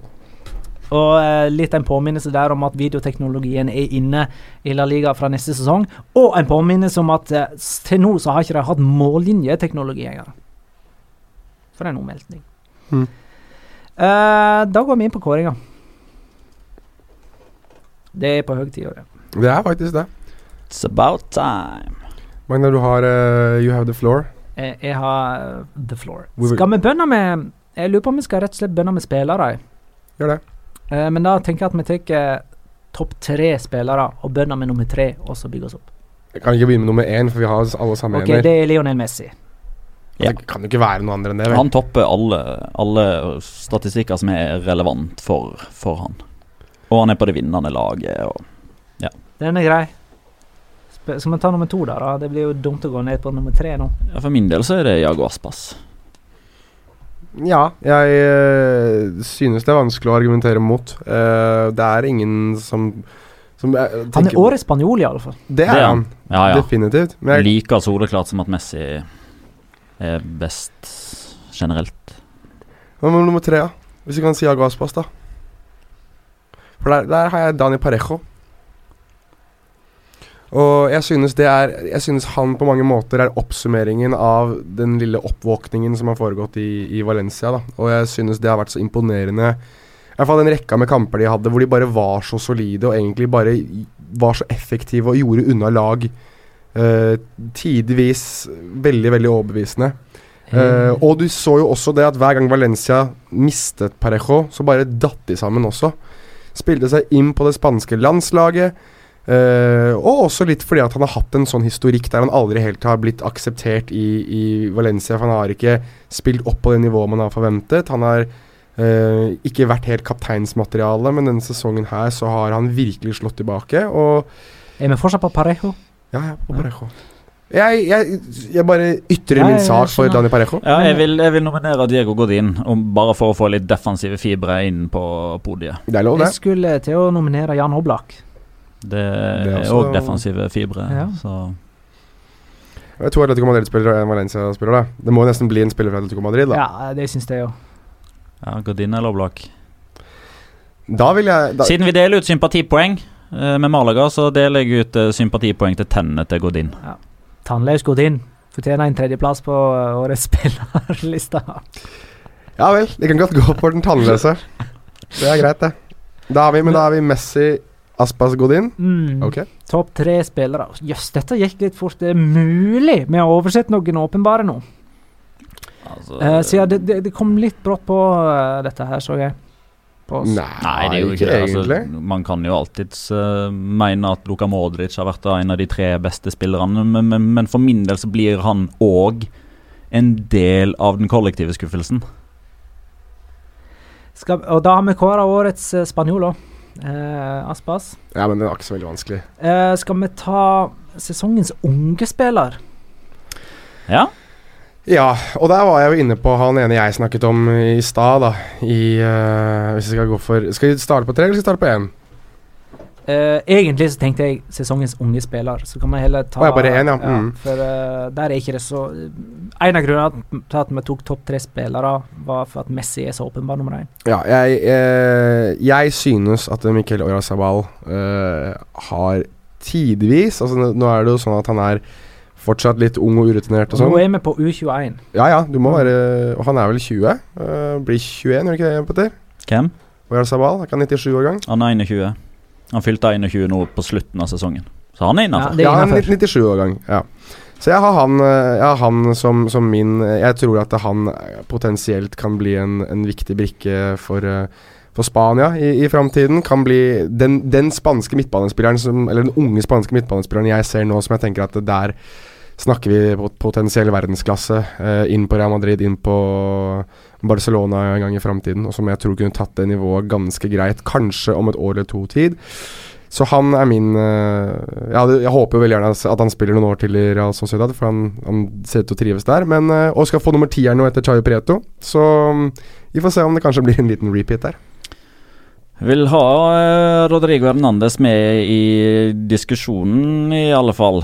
Der han eh, har kommet litt fra intet og inn på Villarreal sin eh, sentrale midtbane og har imponert såpass at han nå offisielt er bekrefta klar for, eh, for Atletico Madrid. Og, og var jo òg eh, like nærma en plass i VM-troppen som Dani Parejo om Lopetegi hadde valgt å prioritere annerledes hvor han ville ha backup-spillerne sine. Det er kun Busquets som er dette ankeret. Når Busquets ikke var med mot Tyskland og Argentina, så var det Rodri som var inne. Etter Mm. det så, så har han holdt nivået, minst. Syns han først og fremst har utmerka seg positivt i kampene mot de aller, aller beste. Altså mot Real Madrid, mot Barcelona, mot Atletico, mot Valencia, mot Sevilla. Så har han vært eh, outstanding hver gang. Nesten ikke slått bort ballen. Spiller på det sikre, ja. Han er ikke den som slår flest målgivende pasninger, men han holder det i gang samtidig som at han har en veldig sterk fysisk eh, tilstedeværelse. Blitt 1,93.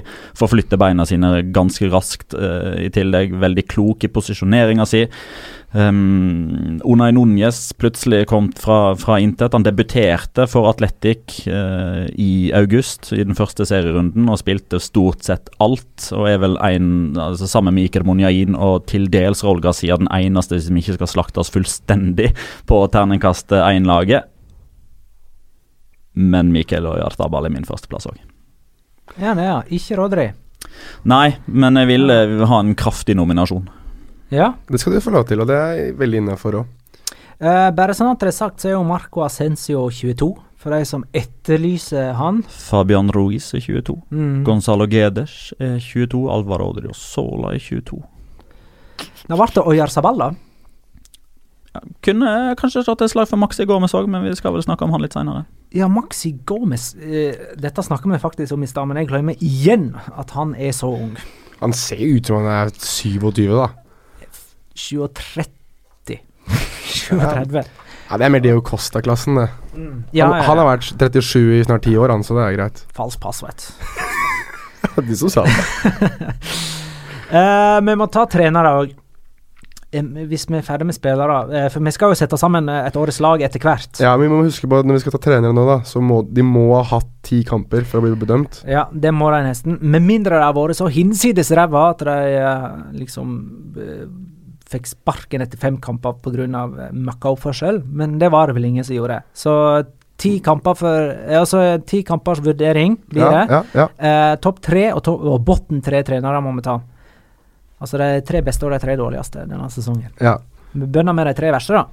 Ja, og da må vi presisere det at den som er nummer én her, er den som var verst. Aller verst. Ja. Den verste. Grusomste, verste Det her slakterkniven kniven virkelig meg. Ja, Uh, skal jeg ta det, eller? Nummer tre Nei, Vi starter nederst på Den som, den som var da min- venter jeg. Hvorfor hvorfor det? Fordi jeg skal slakte han som er nummer én. Ja, ja, kan ikke du slakte alle Kan ikke begynne med nummer tre, ta det forsiktig med han, og litt mindre forsiktig med nummer to, og så slakte nummer én?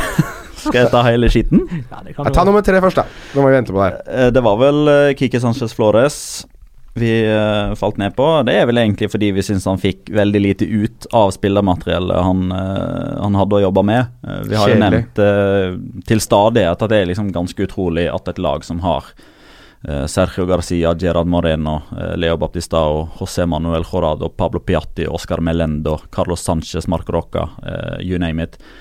At det kan være så eh, lite underholdende å se på. Eh, og det virker ikke som at eh, de ga det et ordentlig forsøk heller. Kike Sanchez Flores mista all motivasjon på begynnelsen av sesongen, når han, når han skjønte hvor det økonomiske for klubben sin del bar hen. For Chen Yangsheng, som kom inn og var eier av Rasta Group, som kjøpte opp Español Noe av det første han sa, det var at innen en treårsperiode så skal Español spille Champions League. Eh, Men noe av det første som skjedde etter det, var at han begynte å kutte i budsjettene, og nå må Español som klubb betale tilbake masse penger til Rasta Group fordi de skal trekke seg ut. Eh, Og det gikk helt åpenbart inn på motivasjonen til Kiki Sanchez Flores, og den motivasjonen ble enda mer tynnslitt når Español ikke ville la han gå til Stoke i februar. Eh, og, og man kan jo liksom forstå at, uh, at man blir litt sånn motløs uh, av det, på sett og vis. Men er du fotballtrener og får betalt for det, eh, og du liksom skal like den jobben du har da som fotballtrener på generelt grunnlag, så kan du liksom gjøre en innsats for at laget ditt i det minste skal være litt underholdende å se på. da. Og Så fikk han jo til slutt sparken. Nummer to. Nummer to, Siganda. Som Yes. trener for et uh, ternekast ett-lag. Hmm. Fikk Så det ble, ikke- det ble ikke verre for han. Han, eh, han slipper eh, aller verste trener... eh, Ja, men det er fordi jeg, jeg, han, han har gått liksom stille i korridoren. Han har skjønt sin plass i hierarkiet. Han skjønner at han ikke har gjort en god jobb. Han tar ansvaret for det. Og Forsvinner Og- han helt fra Athletics-systemet nå, eller skal han være en del Har det vært noe, noe snakk om det? eneste som har blitt kommunisert ut sånn som jeg har oppfatta det, at han ikke lenger skal være trener for Atletic Klubb eh, sitt A-lag neste sesong. Eh, men spørsmålet er jo om, om han liksom er fornøyd med å være tilbake igjen som Altså Han får jo ikke jobben som B-lagstrener, for den er jo besatt. Det, han, han får ikke fyken, han som er der nå. Spør, altså, er han fornøyd med å være spillerutvikler eller assistenttrener eller noe sånt? Det, det får jo tida vise. Han var vel B-lagstrener i seks år før han ble promotert nå når Valverde gikk. Men eh, det, det fungerte jo rett og slett ikke, så det blir andreplassen. Og nummer én Og her kommer det. Det var skilsmisseprat i eh, desember når det var snakk om at vedkommende skulle ta over uh, Alaves. Og Alaves valgte da, i stedet for å vente på vedkommende, så valgte de Abelardo i stedet. De ble til slutt nummer 14 og spiller La Liga neste sesong. Eh, Las Palmas eh, de var med hakket mer eh, tålmodige, fordi vedkommende hadde jo trent dette laget før. Ikke at det gikk sånn kjempebra da, men han hadde et rykte på seg for å spille en underholdende type fotball, som visstnok skulle passe spillerstallen til Las Palmas. Problemet var at de som bestemte at dette skulle passe spillerstallen til Las Palmas, så på 2016-2017-troppen, og ikke 2017-2018-troppen, fordi Denne mannen han liker å spille seg ut bakfra. Han hadde tre midtstoppere tilgjengelig. Alle har eh, saltstøtter når det gjelder å spille pasninger. Eh, han har eh, høyrebacker og venstrebacker som spiller på feil posisjon. Han har en høyreback som er venstrebeint, en venstreback som er høyrebeint. Så det å spille seg ut bakfra er en katastrofe. Det er et bakrom som er like stort som havet som er rundt Gran Canaria. Men allikevel så fortsetter han å legge all skyld på spillerne.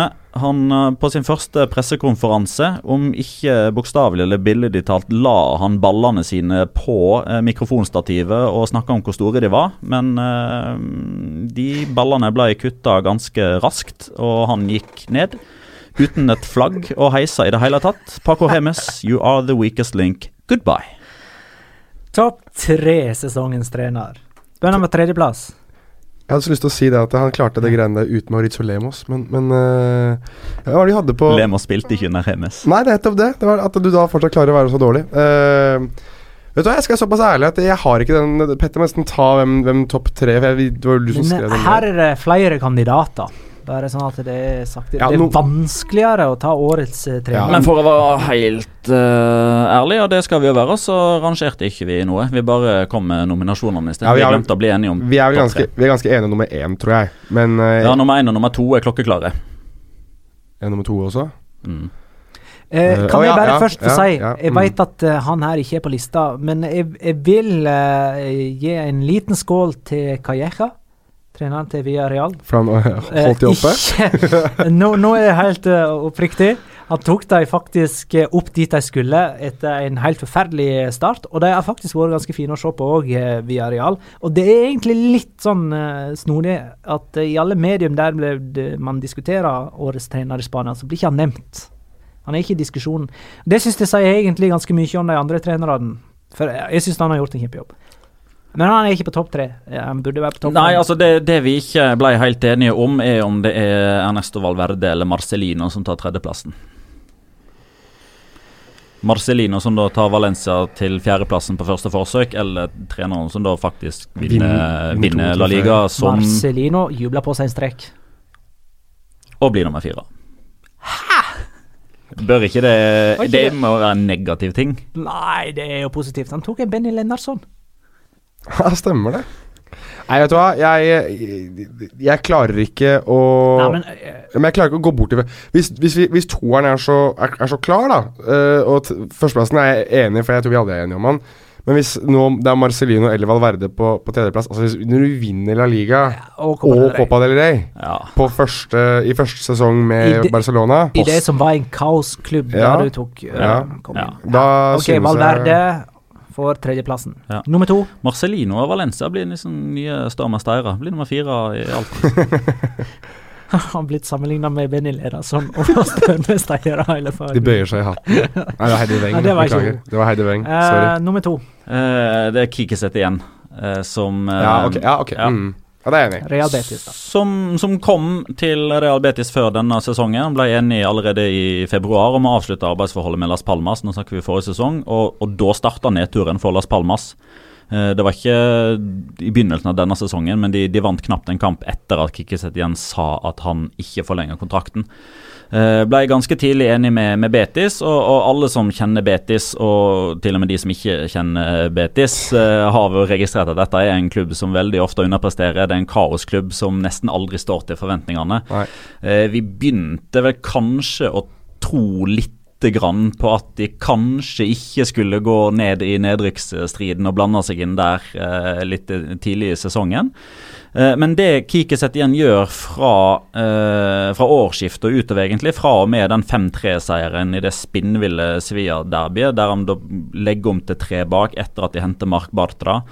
Uh, spiller med, med wingbacker med tre sentrale midtbanespillere og, og en offensiv midtbane og en spiss. Måten han viser taktisk fleksibilitet fra den ene kampen til den andre. Han spilte òg ganske ofte med fire mann bak. Måten han klarte å få et eh, defensivt anarki til å fungere veldig bra på slutten av sesongen. Tok den lengste seiersrekorden til Real Betis eh, på, på 20 år, siden de ble trent av Lorenzo Serra Ferrer.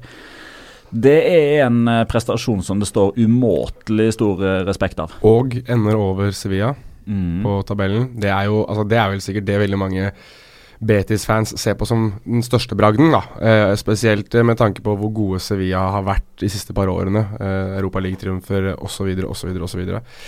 Og gjør det på sin måte. Altså Snakker, og, snakker fra levra og tør ikke Eller tør å si det veldig mange ikke tør å si. Kiki Setien er det nærmeste man kommer Marcelo Bielsa på pressekonferanser i Spania. Han har de lengste pressekonferansene, svarer på alle spørsmål utfyllende. Karakter. Førsteplassen. Førsteplass. Ja, der er eh, Jeg synes det er veldig klart at det er Pablo Machin. Uh, en trener som aldri har vært oppe i La Liga før, med en klubb som aldri har vært oppe i La Liga før, som trollbinder oss og som Petter sa tidligere i, eh, i episoden, spiller en fotball som i hvert fall ikke jeg kan huske å ha sett i La Liga, jeg heller. Uh, holder taktfast i sine prinsipper, gir både unge spillere og slitere fra lavere divisjoner en sjanse. Spillere som har vært avskiltet i andre ligaer. Eh, unge lånestjerner som er sultne og har masse potensial for muligheten. Det er lag, det er et kollektiv. Det er en lagfølelse som jeg, jeg ikke har sett lignende denne sesongen her. Alle disse gangene hvor jeg har blitt invitert inn i garderobene før kampene til Girona, hvor du ser at de oppildner hverandre. Det kan godt være at dette foregår i alle garderober, men det er noe magisk rundt Girona, og man forsto veldig fort at det, er noe, at det er noe helt eget og helt spesielt. Jeg synes det er litt trist at han forlater Girona allerede, men det er veldig fortjent. Og det er eh, vi, om, vi skal sikkert snakke litt om dette, men åpenbaringer osv. På trenersiden så tror jeg ikke jeg kan huske større åpenbaring enn det her på veldig mange år. Eh, jeg tror at Paolo Paulo Machin har potensial til å bli en av de absolutt beste trenerne i, eh, i Spania, eh, og kanskje også på sikt i Europa. Eh, og det blir spennende nå å se hvor mye tillit han får, hvor, mye, eh, hvor mange sjanser han får i, i Sevilla, som er en litt sånn kaosklubb og skal begynne litt på nytt igjen. Men definitivt uh, den treneren som har vært best og imponert meg aller aller mest denne sesongen. her. Og Bordalas må jo òg få en honorable mention. Han må nevnes, han også. Han har gjort det på, på sin måte. Ikke like fint og ikke like gøy, uh, men uh, kynisk og effektiv. Så Men, det, Getafe far fikk- klarte det i år, han. Getafe fikk vel et terningkast fem, gjorde ikke Ja, det? ja. Mm. Jo, men uh, åpenbaringer, da. Det er greit, det. Vi kan ta det Mhm. før vi går på årets lag. Uh, det er jo egentlig, Vi fikk jo et tips her fra Håkon Nordengen som vil ha sesongens positive og negative overraskelser på spiller- og, tre- og lagsida. Men vi kan godt kalle det åpenbaring. Årets uh, overraskelse blir på en måte åpenbaring. Ja. Ja. skal vi ha én positiv og én negativ, kanskje? Eh, først og fremst vil jeg ha pos årets åpenbaring. Syns det er mer interessant. I, i, form, I form av spillere, Ja. Ja. Der er jeg Maxi Gomez. Uh, Celta Vigo-spiss. Som uh, er Altså, hadde jeg hatt årets signering, så er det, er det Jeg syns det, det er ikke noe å diskutere, syns jeg nesten. Han kommer fra Defensor, vel, i Uruguay. Aldri spilt før i uh, Europa. Uh, egentlig en spiller som jeg ikke har hørt noe om, i hvert fall. før han kom til Det var vel du som nevnte at han hadde vært aktuell for Rosenborg en gang i tiden. Og så drar han til, til La Liga. Tar, hvor mange serier må han vente han på? 17. 17 mål i første sesong som 21-åring. Ti av dem med huet. Ti av de med hodet. Ser sånn stuttjukk og litt sånn ikke ut som en fotballspiller, men uh, kunne blitt solgt til Kina for veldig veldig mange penger. Endte til slutt opp med å bli i, i Celta, og um, jeg tror at det er starten på en veldig veldig god La Liga-karriere for, uh, for Maxi Gomez, som for meg er en, åpenbaring i denne sesongen her. Enig i posisjon og nasjonalitet. Jeg slår et slag for Christian Stuani, Ja. uh, som Altså Han er jo en gammel kjenning, spilt for eh, Regina, Levante, Albacete, Middlesbrough, Español. Eh, og aldri vært høyere enn 13-14 skåringer, tror jeg. Og eh, Jeg fikk på øverste nivå. Eirik Aase, som følger championship veldig tett, var jo positiv til, til stående sine bidrag den første sesongen i Middlesbrough, om jeg ikke husker helt feil. Eh, men jeg tror nok det var få som trodde at, eh, at Stuani skulle bikke 20, altså. Eh, og Hvis jeg ikke husker helt feil, så er han den første spilleren siden sesongen 99-2000 som klarer å skåre 20 eller flere for et debutlag i La Liga. Det var Catania for, eh, for Malaga klubb de Fotball i, i 99-2000 som skåra 24, tror jeg. Eh, så det, det, er jo liksom underdoggene som plutselig har liksom begynt å finne, uh, om ikke sin uh, rette plass i hierarkiet, men som i hvert fall er lenger oppe i hierarkiet nå enn hva man trodde. Og så kan man jo også si at både Dani Parejo og Jeffrey Kondogbia og Samuel Omtiti har liksom fått sitt definitive gjennombrudd, sånn sett. Da. Men om det er en overraskelse at de er så gode, det, det kan man jo diskutere. Men du nevnte en interessant årets skuffelse i, på spillersida tidligere i dag. Ja, jeg vet jo at uh, du har en annen uh, kandidat. Ja, det har jeg for så vidt. Men, ja. ja. men det, det, det, jeg vet at det, er. det, det, kan, det kan hende at jeg er litt farga av at jeg snakka med en journalist om nettopp denne spilleren tidligere i dag, og det er derfor det er top of my head. Men forrige sesong, altså i 2016-2017, da var han en spiller som man hadde forventninger til på et dårlig lag. Han sto til forventningene. Han var den beste spilleren for det laget som rykka ned. Og så ble han leid ut til en annen spansk klubb som han hadde større forventninger til, for han ville ha bedre lagkamerater, en bedre trener og sånne type ting, men han ah. fikk det ikke til i det hele tatt. En ok start. Han surfa veldig på bølgene når bølgene var veldig høye, men når det var blikkstille vann, så turte han ikke gå utpå med surfebrett engang. Andreas Pereira. Han skuffa meg veldig. Mm. Kan være med på den. Jeg ser den. Og så var jo Dembélé en skuffelse, selv om skaden selvsagt satte han tilbake. Og så har jo jeg da Louis Moriel ganske høyt på den uh, lista, ja, ettersom han fikk alle spisser til å se gode ut. Ja. Og var den, og, dyreste, og den dyreste investeringen i Sivias klubbhistorie. Nok også en av grunnene til at han irriterte meg litt, om jeg skal være ærlig, og at han holdt Ben Jedder på benken, en mm. spiller jeg har sans for. Jeg får uh, Altså, dette blir sikkert siste gang jeg nevner han denne sesongen, her, forhåpentligvis. Men jeg, jeg, Når du blir koblet til Manchester City, du blir koblet til Barcelona, man snakker om deg som den neste store stoppestjerna, du er den som skal ta over etter Gerard Piquet og Sergio Ramos en, en eller annen gang. Når de blir skada, så du, skal du være førstemann på lista.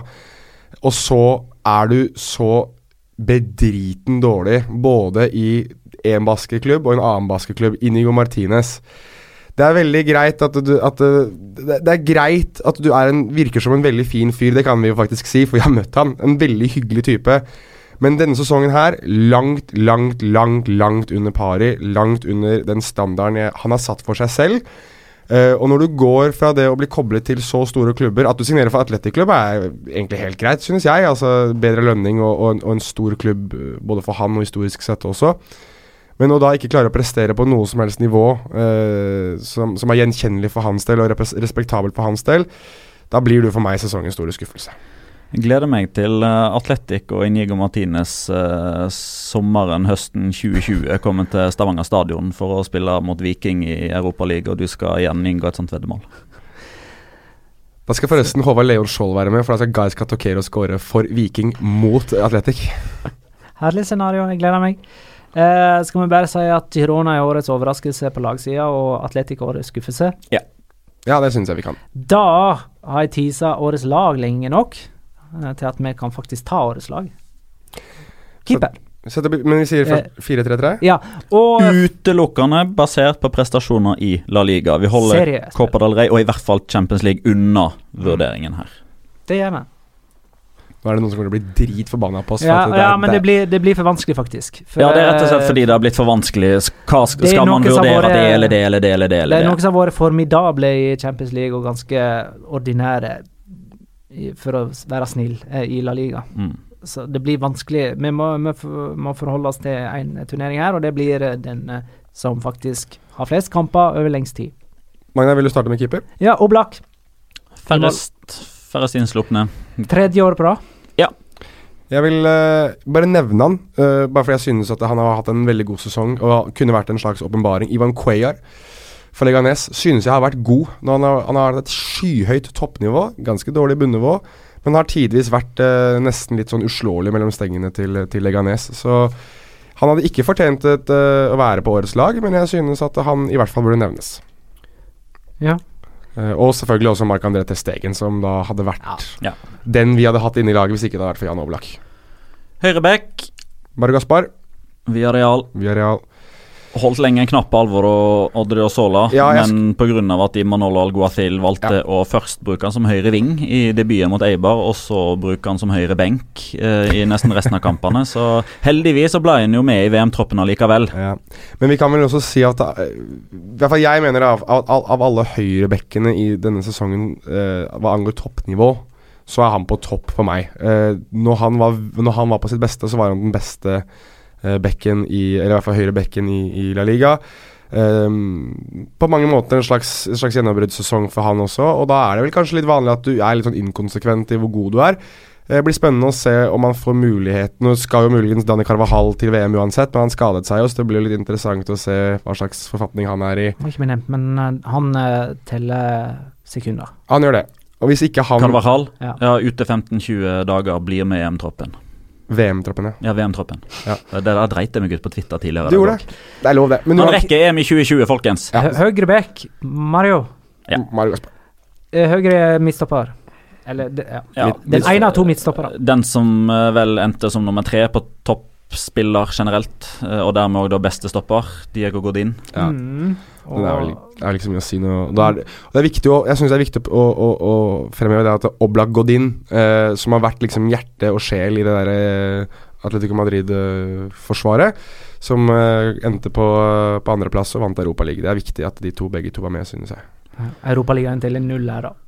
Det gjør den. Jo, men Ja, ok. Ja, den, den teller null. Ja, det gjør det. Men jeg ser Ja, jeg er enig. Ja, og Barcelona var eh, egentlig fram til de siste seks-sju kampene, når seriegullet var mer eller mindre i boks, da begynte de å lekke litt. Men hovedgrunnen til det, Det sammen med Tastegen, det er Samuel Omtiti, Ja. som får venstrestopperposisjonen. Så var ikke han så verst, han som er ute til venstre heller. Nei, på et tidspunkt der så hadde han telepatisk eh, samarbeid med Lionel Messi. Og vi, har- han har fått skryt, eh, unnskyld, uh, VGSVA, ros uh, gjennom hele sesongen for måten han har eh, vokst når Neymar har vært borte fordi det har vært masse rom foran han. Jordi Alba. Mm.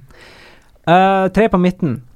Defensivt anker. Et anker og to eh, indreløpere. Vi slet litt med det ankeret, eh, fordi det var ingen som Midtbanen var vanskelig. Ja, syns det var vanskelig. Det var eh, jeg, Før vi sier hvem vi har valgt, da, så, så vil jeg bare si at jeg har slått et slag bl.a. For, for Jeffrey Kondogbia i, på den midtbanen her. Vi ender jo på en annen spiller fra Valencia på midtbanen, men uh, jeg synes Kondogbia fortjener uh, veldig mye ros. Han kommer ikke opp som åpenbaring heller. Du nevnte han, men, men han har kommet tilbake til, til La Liga. Han var jo veldig god i Sevilla også.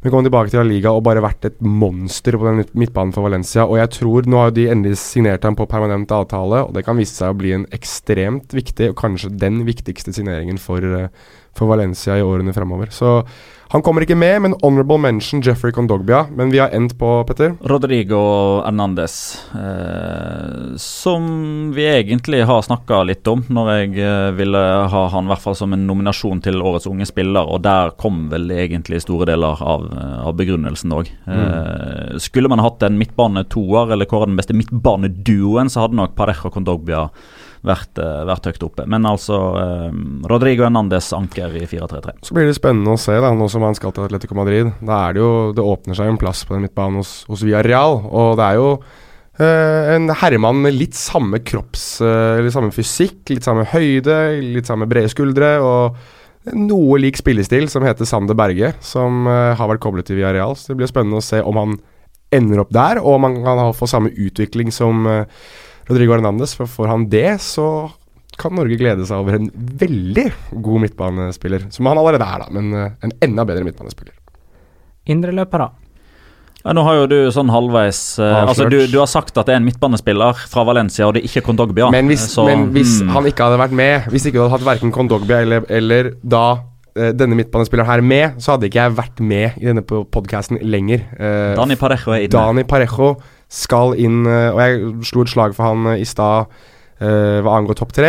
Jeg kommer ikke til å repetere det noe særlig, men veldig fortjent Dani Parejo. Og en som òg må inn egentlig på, på det generelle nivået, selv om klubben hans skuffa litt totalt sett denne sesongen. Men som Jeg har ikke sett denne mannen her spille en dårlig fotballkamp. Men, så Luka Modric må med. Steady Eddie, uh, hva angår hvor god han er sånn egentlig.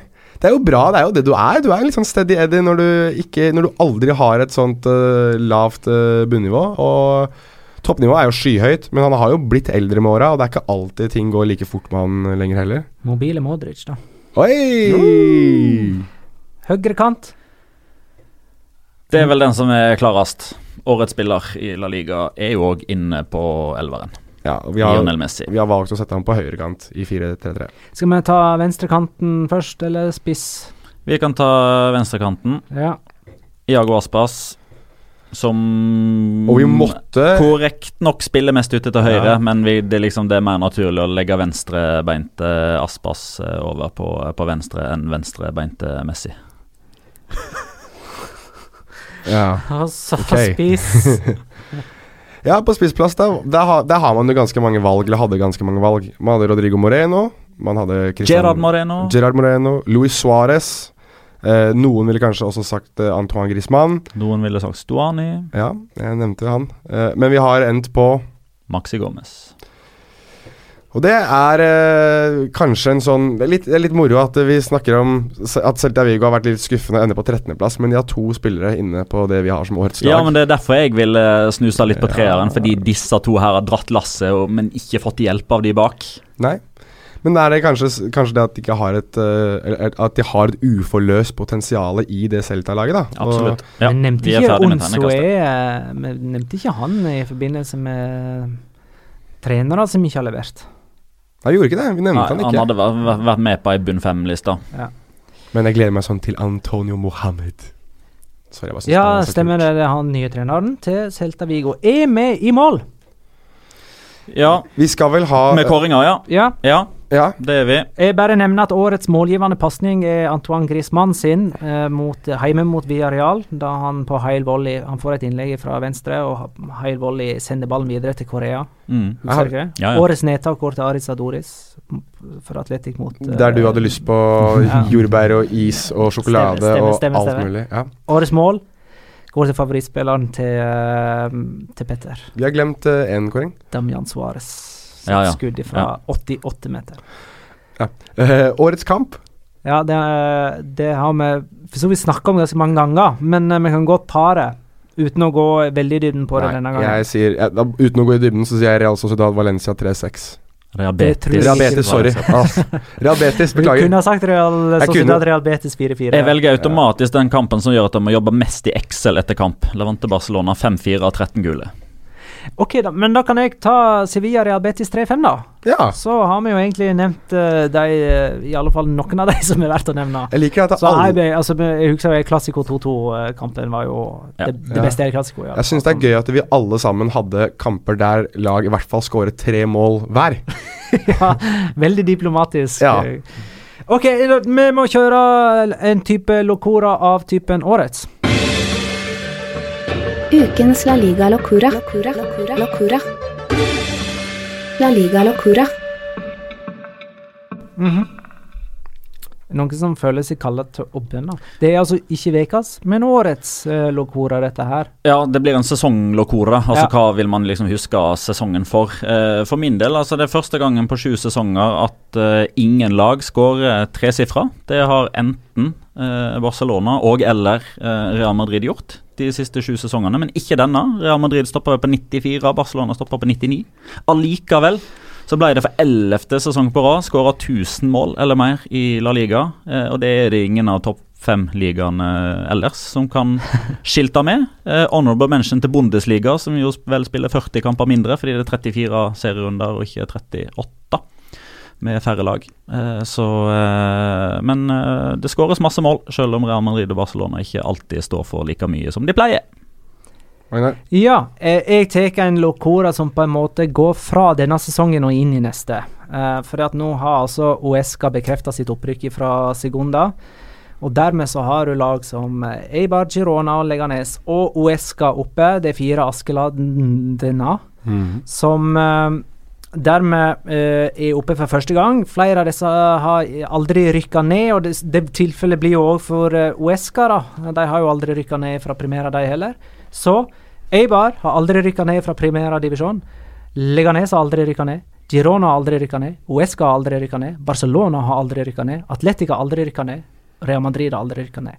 Sju av de som spiller i La Liga neste sesong, har aldri rykka ned. ifra det. 30 30 I sesong nummer 88 eller 89. Det den, Altså, den, er sterk, altså, Magna. Den er sterk.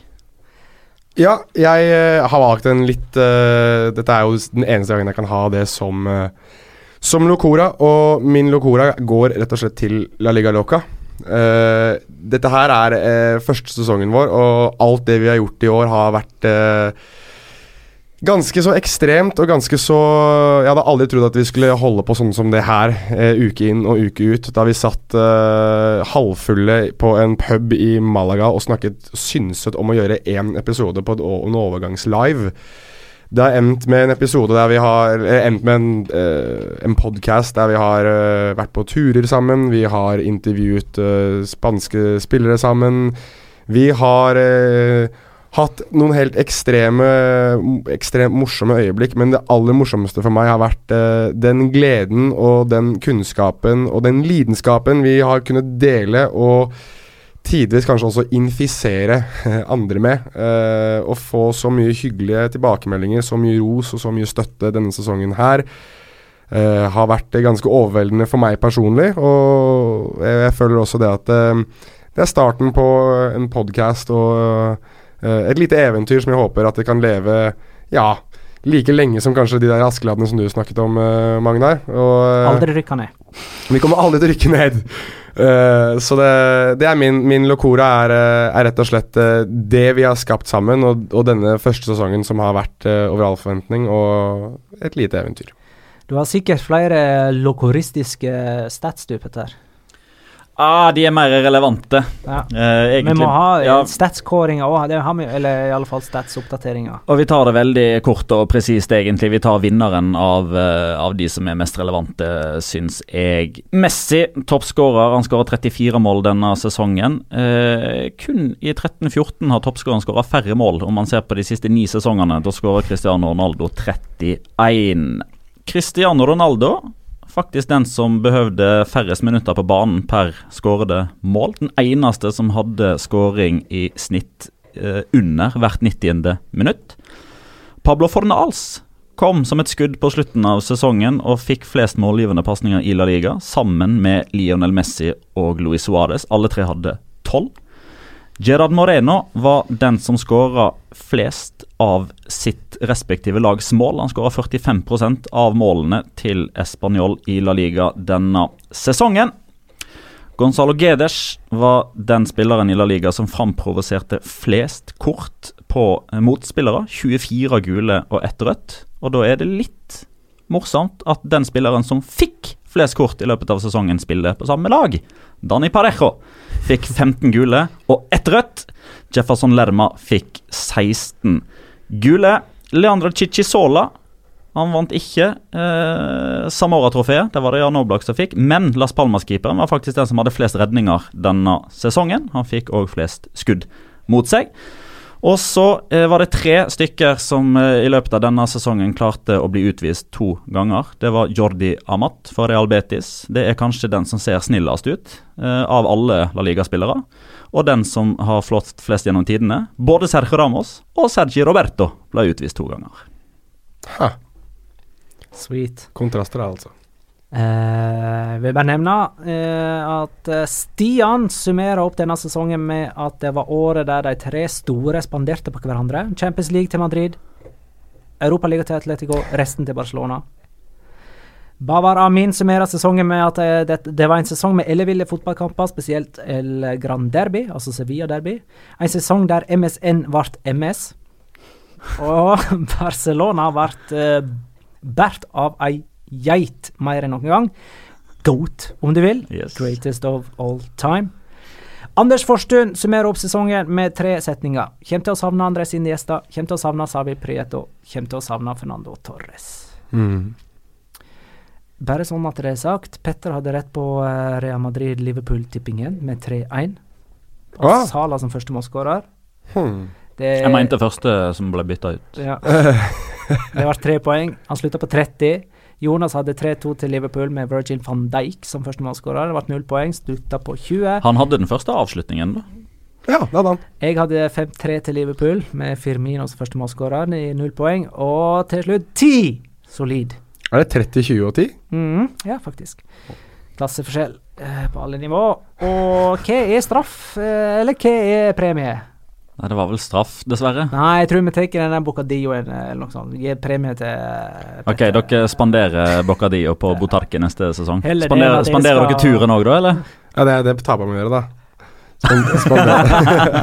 Eller uh, invitere på karaokebar og framføre en eller annen Det var noe som eh, Bolare. Det var Jan Jurus som mente at man taperen måtte framføre 'What a Wonderful World' med sånn Louis Armstrong-stemme. Du er god på uh, Det har jo du lyst til å gjøre en vanlig fredag. Ja, ja, ja jo visst. Eh, Ja. Ellers så satt jo den der med at jeg- skulle snakke østnorsk. Det var et tidlig tips som man sett i Jeg. Syns den er grei, Ja, Skjegg og hårvekst var vel et Ja, alternativ. den Altså, vi blir ikke enige nå heller. Skal vi, er det sånn at vi må trekke om det en gang? Kan ikke gå for østnorsk, synes var Ja da, snakke bokmålsk. På en eller annen episode av La Liga Loca. Det syns jeg Det må ikke bli de to vi skal ha i sommer. Det er om VM. Ja, det skal. Eh, det, det må vi ta litt på alvor. Ja, men da passer det bare Vi kjører jo en overgangsspesial en eller annen gang i løpet av august. Det er jo du så glad i. Ja, det, Så da kan, da- det, da kan jo den bli litt moro for deg, da, fordi du må Vi har noen uh, sommerplaner for uh, podding. Det er altså to i løpet av eh, juni uh, om EM. VM? Et, VM. Et midt i gruppespill og et når gruppespillet er ferdig, satser vi på. Og så skal vi ha en overgangsspesial i august, antagelig. Ja, og så skal vi jo selvfølgelig ha sesongpreview. Mm. Mhm. Eh, og overgangsspesialen ligger an til å gå på østnorsk for min del, da. Ja, det går som, som vanlig på østnorsk for min del. Så. Ja, du skal få eh, på vestlandsk, for min del. Ja. Ja. Mm, ja, men det gleder jeg meg. Tusen takk for at dere lytta hele veien, eh, kjære lyttere. Eh, Det å stå i det i 1 time og 45 minutter er veldig, veldig sterkt. Det, det respekterer jeg. Tusen takk for alle innspill vi har fått til både denne episoden og hele sesongen eh, generelt. Eh, Nå skal Jonas få lov til å avrunde vår eh, siste sesongepisode med noen velvalgte ord. Ja, jeg uh, har da uh, denne sesongen hatt uh, en, en fiende, om du vil. En, en karakter som har plaget meg en hel sesong, og nå er vår tid sammen over. Så jeg har da valgt å skrive noen ord til, til en viss herremann som vi har latt oss kjenne gjennom ja, mye forskjellig. Jeg skal ikke plage dere noe mer enn lese opp det jeg har skrevet som jeg skrev i dag, så jeg vet ikke hvor bra det egentlig er.